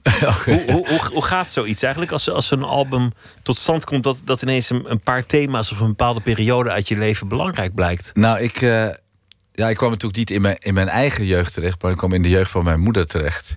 Die uh, opgroeide, uh, die 17 was toen de, de oorlog uitbrak. En mijn moeder is nu 92... dus ongeveer 70, ik weet ik heb het niet precies geteld, maar ze is nu 92 en ze heeft het haar, haar geheugen is, is, is scherp naar het verleden. Uh, ze heeft het steeds meer over, over die tijd. Uh, en ik was aan het werk met de band. En, en die, die, twee, die, die twee dingen kwamen, die, die liepen op een gegeven moment door elkaar heen. En, en ik kwam in, in de nummers die we opnamen, kwam ik al iets tegen dat ik dacht. Uh, volgens mij zit ik, zit ik heel dicht bij die sfeer. Die, die zij steeds mij vertelt. Uh, haar herinneringen, haar herinneringen bij haar ouders, uh, een onderduiker, uh, noem maar op. Een aantal verhalen die, die, die, die spoelden al langzaam door, door het hele werk, werkproces heen. En, en op een gegeven moment ben ik me daarin in vast gaan bijten. toen, toen, de, toen de plaat een vorm kreeg. Maar het is nog niet een conceptalbum. Zo, zover nee, gaat het, het, ook weer niet. Nee, zo, zover gaat het niet. Maar het is wel het, het, is wel, wel een soort tijdslijn. Het, het, het, het, het, het begint inderdaad in de bezetting. Uh, dan is er de bevrijding, jaren 50. Uh, ik, ik, dan dan, dan kijk, kijken we ook naar Duitsland. Wat, wat de rol van Duitsland was. Ook voor die, voor die, voor, voor die mensen die de oorlog had meegemaakt. de, de, de ouders van mijn moeder die hadden geen problemen met het gaan naar Duitsland. Maar ik weet wel dat heel veel mensen niet meer door Duitsland wilden. Uh, op weg naar Zwitserland of noem maar op. Uh, uh, maar ik ging weer in de jaren zeventig met, met mijn bandje. Ging ik, eind jaren zeventig speelden wij al op de Reperbaan in Hamburg. in, de, in de top 10 club. Dus ik kwam in Duitsland tegen. waar ik langzaam echt steeds meer van ben gaan houden. En ik, ik, ik hield van Duitse steden. Ik hield van Duitse kunst. En, ik, en, en, zeker ook de sfeer die daar hing. Uh, voor ook, ook richting popmuzikanten. We werden... Dat was in die tijd waarschijnlijk een, een, een bloeiperiode daar. Als je, als je in, in de, de periode die jij nu omschrijft... In, in Hamburg of in Berlijn kwam. Nou, het was in ieder geval fascinerend voor mij. Want wij speelden in Berlijn toen, toen de muur er nog stond. Dus wij gingen door Oost-Duitsland met de band naar, het, uh, naar dat eiland toe dat, dat nachteiland. En, uh, en het was natuurlijk qua, qua popcultuur, het was, het was heel spannend. En voor ons was het een, een, een heel groot, onbekend werkgebied waar we in kwamen. Dus ik, ik wandel, ik kom langzaam terecht in, in, het, in het Duitsland van nu. Dus het Duitsland waar, waar ik nog steeds in speel. En dan komen ook de, de, de brommers langs, de Sundap, de Kreitler. Die, uh, die worden natuurlijk allemaal uh, genoemd. Ja, het, het, het, vrienden van mij gingen... Ik heb het zelf nooit gedaan. Ik ben niet zo'n zo brommerrijder. Ik heb wel een brommer gehad, moet ik bekennen. een mobiletje. maar, die wordt ook genoemd. Uh, ja, nee, nee, nee, zeker. Maar ik met vrienden van mij, die gingen, gingen vaak door Duitsland uh, richting Joegoslavië. En dat deden ze dan op, op hun, uh, nou ja, wat is het, op een poeg of, of een uh, krijtler, Sundap. Fascinerende je, namen. Je, je noemt sferen, je, je noemt verschillende periodes en verhalen, maar, maar dan noem je ook meteen een sfeer die erbij past. Hoe, hoe kan je zo'n sfeer omschrijven en hoe vertaal je dat naar muziek? Dit is natuurlijk een, een vrij abstract beginsel dat, dat sfeer past bij, bij, bij een liedje. Ja, maar als, als ik schrijf over, over, over mijn oma... Die, die, dat verhaal, dat hoorde ik van mijn moeder... die migraine kreeg op de dag van bevrijding. Uh, die een, dus de hele oorlog uh, meemaakt in, in, in de duisternis. En het licht breekt, breekt door op die dag en ze ligt in bed. Uh, met hoofdpijn en heftig. dan, dan dan hoor je ook dat nummer, hoor je ook de, eh, het, het, beslotenheid van, van dat huis. Waar ze eigenlijk al die, al die jaren in hebben gezeten. En je hoort ook vleug. Ja, een, een, een, vleug van, van, van, van, van orkestmuziek uit die tijd. Die zit erin. En er zit zelfs de stem van Wilhelmina. Is een heel klein stukje van haar Radio Oranje eh, toespraken. Met, die altijd eindigt met ik heb gezegd. En dat zit er ook in. Maar als we naar Duitsland gaan, eh, en, en komen, we, komen we bij de synthesizers terecht. Eh, Dus mijn, ja, mijn grote liefde voor Kraftwerk. Eh, als je het hebt over de jaren zeventig. en dan krijg je de, de beelden van, van Korg en Oberheim. Dus de synthesizers. synthesizers, ja. Je denkt dat de brommers naar steden rijden. Maar ze rijden, de Zundap gaat eigenlijk naar, naar Oberheim. Naar een, een, een synthesizer. Van de, de OBX7 of wat was het ook alweer? Ja, ja, en je hebt eh, de, de ARP, ODC. Dat, dat waren beroemde, beroemde, nog steeds zeer gewilde synthesizers. Zullen we beginnen met eh, de kaarten? Kijken wat we nog meer te weten kunnen komen. Oké. Ik kan zomaar. Wat is voor jou het toppunt van ellende? Oh, kijk. Eh, nou, eh, voor, eh, voor mij het, het toppunt van ellende is, eh, is dingen, dingen aanschouwen waar, waar ik niets aan kan doen. Als, als ik het grote leed van de wereld zie, dat dat is voor mij het toppunt van ellende. Niet mijn kleine, mijn kleine klachten over weet ik veel wat, lichaam en, en, en geest. En, maar als, als ik kijk naar, naar de, de tragische gebeurtenissen in de wereld, dat is voor mij de grote ellende. Dat je uiteindelijk toch machteloos bent. Dat ik eigenlijk machteloos ben, ja. Want je, je kunt er een, een liedje over schrijven, heb je ook wel gedaan in het verleden, maar, maar dan nog is dat natuurlijk niet, niet een, de oplossing. Nee, nee. Nee, dat, dat, dat kan ik. Dit is het enige wat ik nu. Nou, het is een, een, een heel wijze antwoord. La- laten we er nog één doen. Ja, oké. Nou, wat is volgens jou de beste plek om te wonen? Eh eerste instantie zou ik zeggen Amsterdam. Want ik woon er mijn hele leven. Ik ben er echt nog nooit weggegaan. Eh, en maar wat ik de, de meest, meest eh, avontuurlijke en meest eh, eh, ja, ongelooflijke en romantische plek om te leven vind, is Venetië. Dat, is- dat is toch iets. Ja, eh, de steden hebben wel iets gemeen, maar. Nee, ik vind, vind Venetië vind ik een, een. Dat is het grote mysterie. Daar zou ik wel willen wonen.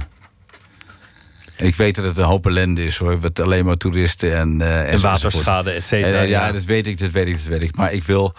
eh hè, daar zijn natuurlijk talloze andere steden. Maar dat Venetië is voor mij. Een, een- ja, het blijft een, een, een grote mysterie- mysterieuze stad. Is ook zo. We gaan er nog één doen.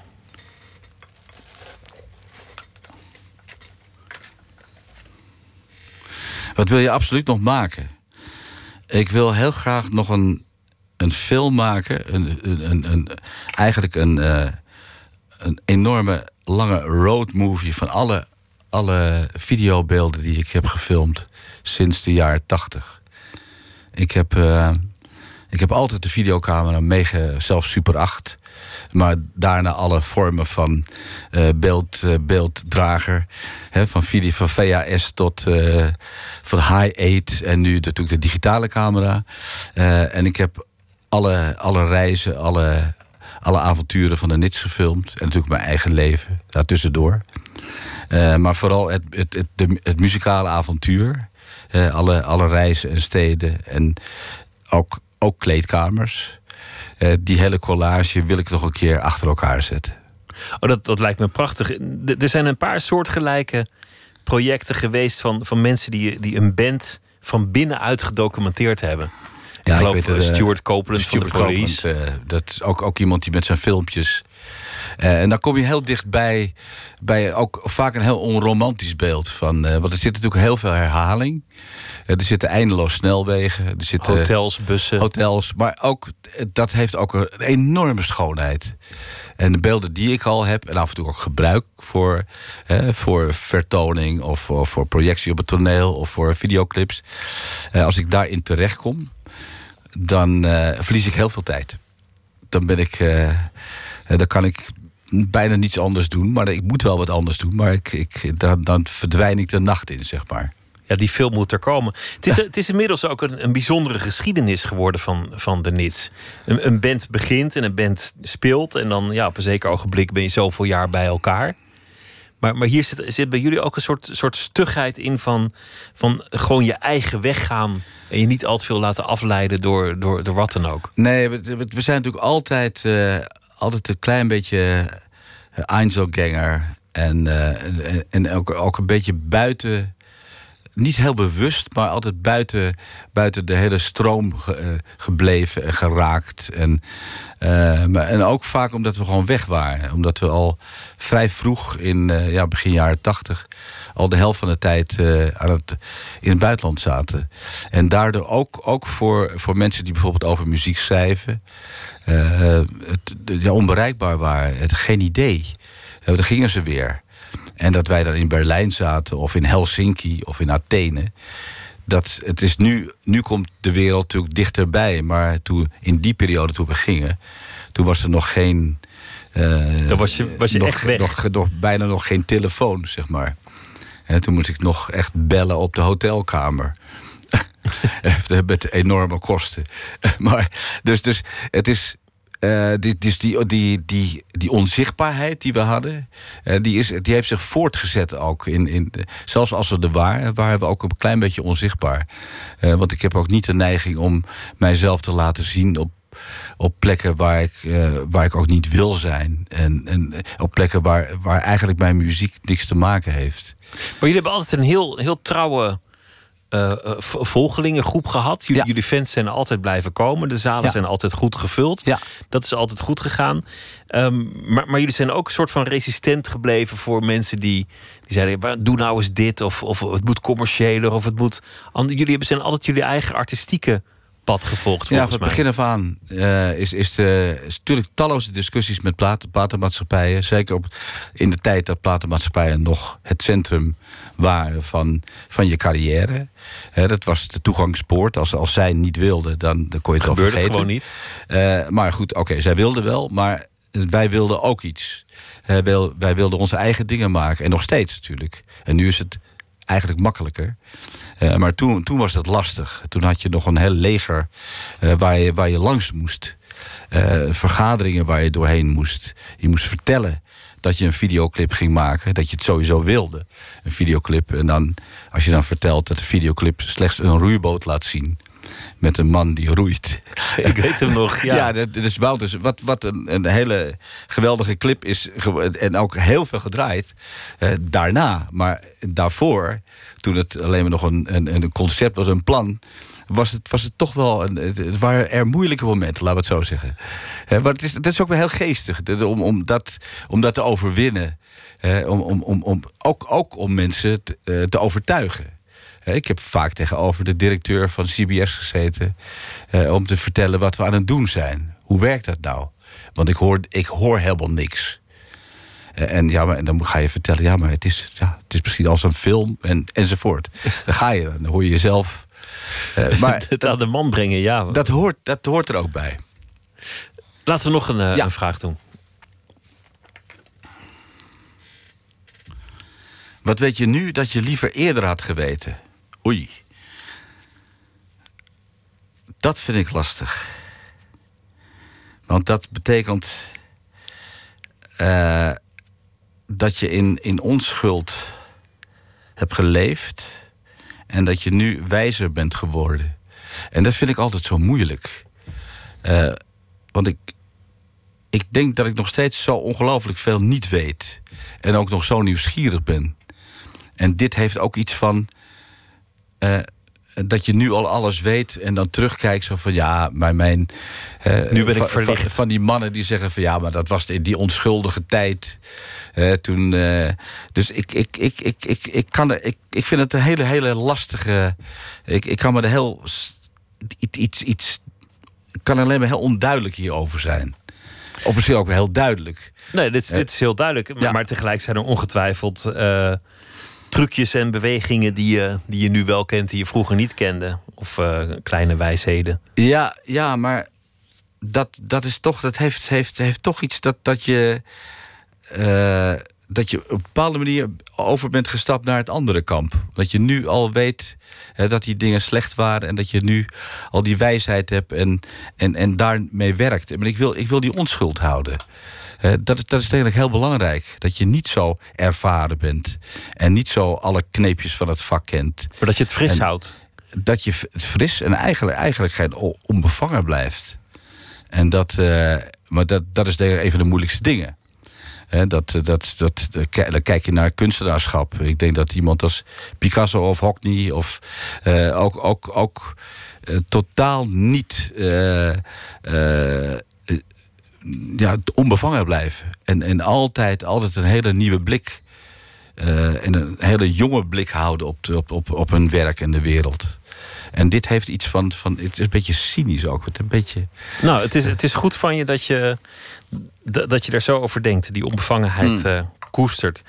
Het, eh, het nieuwe album heet eh, Angst. Je kan het ook op zijn Engels uitspreken. Angst. De, ehm, Ja, het is, wat je wil. Het, het is, het is, het is een, een, een woord wat eigenlijk. Wat de Engelsen hebben het ook over angst. Eh, dat, dat, dat, dat, dat kan je zo gebruiken. Ik gebruik zelf op, de, op, de, op, de, op, de, op het album ook een nummer dat heet A Cow is Spleen. Maar je kan ook spleen zeggen, dan is, dan is het een orgaan. Maar spleen is een gemoedstoestand. Een soort Dus melancholische... angst, angst is, is, is het, het woord echt angst op zijn Europees, zeg maar. Op zijn, als je het wil, Duits, maar het ook weer niet, want het heeft geen hoofdletter. Eh, is, is, is, is die ongemoedstoestand die, die, die verder gaat dan, dan, dan fear. Eh, angst is geen fear. Het is niet dat je bang bent ergens voor. Nee. Angst is, is iets dieper wat dieper geworteld. zit, wat, wat, wat, wat breder is, wat, eh, wat zich eh, misschien wel als, als, een, als, een, als een onverwachte overstroming kan, eh, kan verplaatsen in, in, in een leven. Je hoort het zelfs soms in het Frans. Als een soort leenwoord. Dat, dat kan, dat, dat kan met, met, maar dat zal met spleen ook zo zijn. Dat zijn natuurlijk van die woorden die, die hebben uit, uit de Europese cultuur, denk ik. Dat zal ongetwijfeld iets met psychologie te maken hebben, maar hebben die een, een Europese klank. En, en daarmee krijgen ze iets, iets, ja, iets, iets, iets internationaals. En dat zij, is, ook, is ook zo natuurlijk. Het is geen, dan is het geen angst. Angst, kortom. Angst. Het eh, nieuwe album van de Nits. Henk Hofstede, dank je wel. Graag gedaan. The.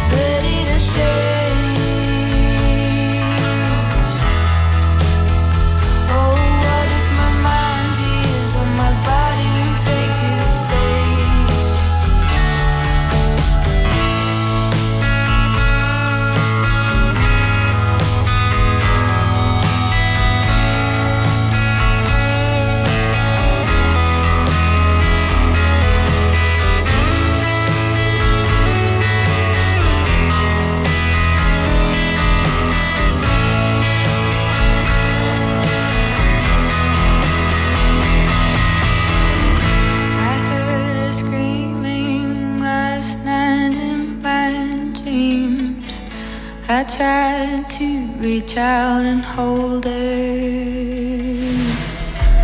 Can someone please tell me what that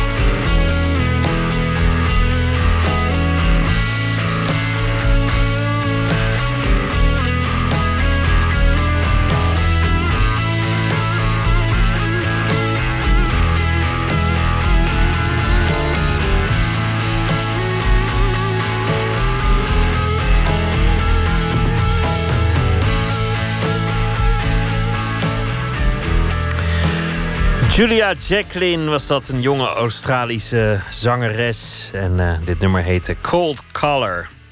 Eén minuut gemaakt door Jair Stijn. Deze heet Tom Tom. Wat zei ze nou de hele tijd? Ze zei, ik vergat de tijd, maar zei ze van verderop rechts afbuigen.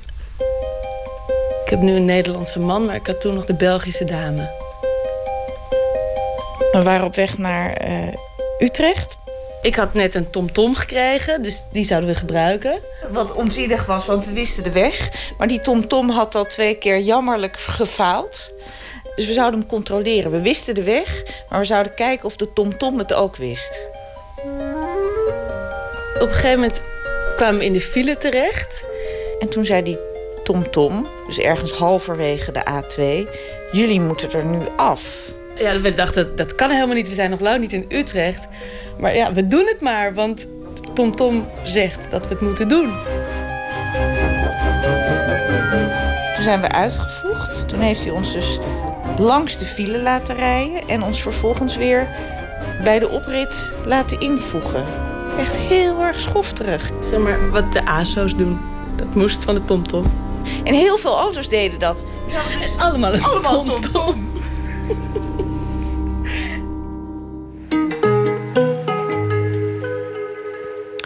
Schrijver Eus is deze week onze vaste schrijver. Hij zal elke nacht een eh, verhaal maken bij de dag die achter ons ligt. Utjan, goeienacht. Goedenacht, Pieter. Vertel eens wat, eh, wat je vandaag heeft bezig gehouden. Ehm, vandaag liep ik door een stad waar ik al hmm, drie jaar niet was geweest. En eh, ik herkende de stad eigenlijk niet meer terug.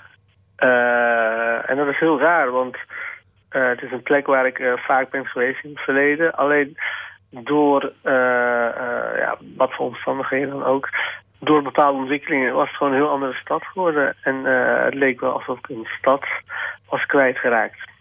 Welke stad was het? Het was Roosendaal. Roosendaal. En Roosendaal, daar wordt stevig gebouwd, zo te horen. Nee, dat is het eigenlijk niet. Ehm, het is meer dat ehm, de, de, de mensen die er rondlopen... zijn heel andere mensen dan die er drie jaar geleden rondliepen. Ik ben benieuwd naar je verhaal. Ga je gang. Gisteravond heb ik een stad verloren. Ik was niet in Krakau, Potsdam of Warschau... maar ik was ook niet in de stad van mijn herinnering. Het leek verdwenen, van de aardbodem geveegd.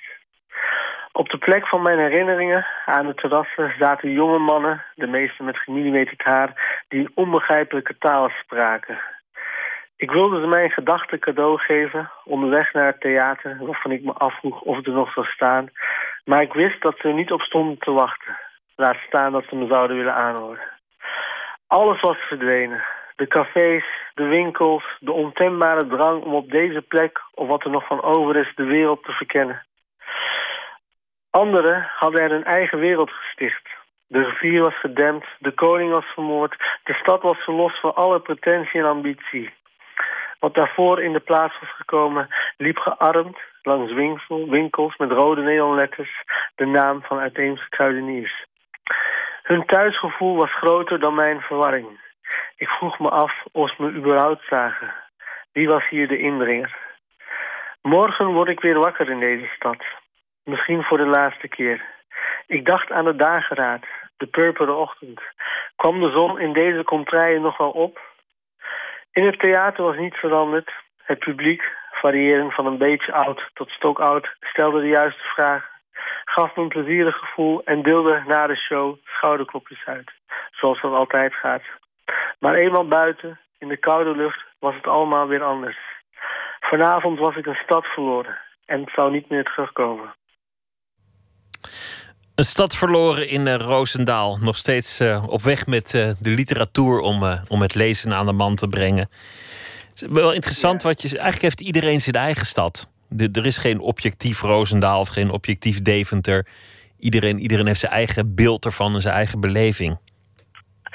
Um, ja, maar dit was een hele vreemde gewaarwording. Want ik liep die winkelstraat in en overal waren opeens Poolse winkels Ik weet niet of jij dat eh, misschien in Amsterdam wel eens hebt gezien, maar ik kende dat niet. Poolse supermarkten, Poolse kruideniers en noem maar op. En echt iedereen op straat, je hoort de gesprekken die ze voeren, die spraken gewoon Pools met elkaar.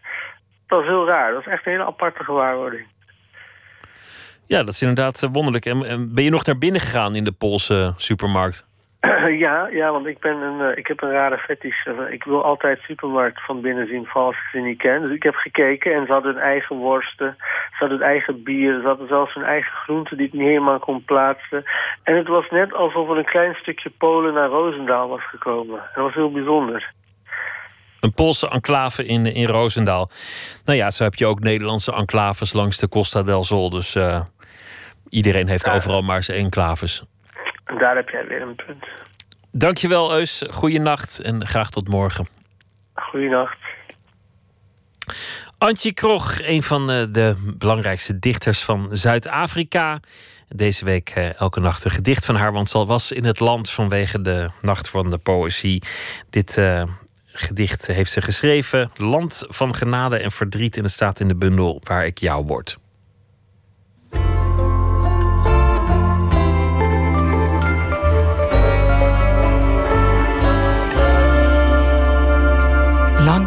Van genade en verdriet. Tussen jou en my, hoe verskriklik. Hoe wanhoopig. Hoe vernietig breek dit tussen jou en my. Soveel verwonding vir waarheid. Soveel verwoesting. So min het oorgebly vir oorlewing. Waar gaan ons heen van hier? Jou stem slinger in woede langs die kil snerpende sweep van my verlede. Hoe lank duur dit? Hoe lank vir 'n stem om 'n ander te bereik in die land so bloeiende tussen ons? Hierdie was 'n gedig wat ek geskryf het tydens die verhore van die Waarheids- en Versoeningskommissie. Waar swart mense om die uur elke dag vir 2 jaar lank vertel hoe hulle vernietig is onder apartheid. En ek kon nie my indink hoe die land ooit weer gaan regkom, hoe mense ooit weer kan saam met mekaar leef nie. Maar dit is waaroor ons ook 'n land van genade is en miskien was. Land van genade en verdriet. Tussen jou en my hoe verskriklik. Hoe wanhoopig. Hoe vernietig gebreek dit tussen jou en my. Soveel verwonding vir waarheid. Soveel verwoesting. En so min het oorgebly vir oorlewing. Waar gaan ons heen van hier? Jou stem slinger in woede langs die kil snerpende sweep van my verlede. Hoe lank duur dit? Hoe lank vir stem om 'n ander te bereik in die land so bloeiende tussen ons?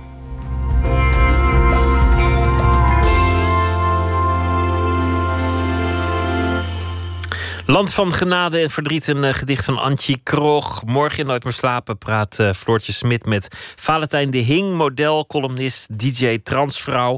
Werd bekend vanwege de film Valentijn. Dat ging over de transitie van man naar vrouw. En eh, daarna heeft ze ook gewerkt als model voor Martin Margiela, Love Magazine. En ze vertoont op het Nederlands Filmfestival de documentaire Genderbende. En eh, ze bespreekt een aantal eh, genderkwesties. Dat allemaal morgen in eh, Nooit meer slapen. Voor nu een hele goede nacht.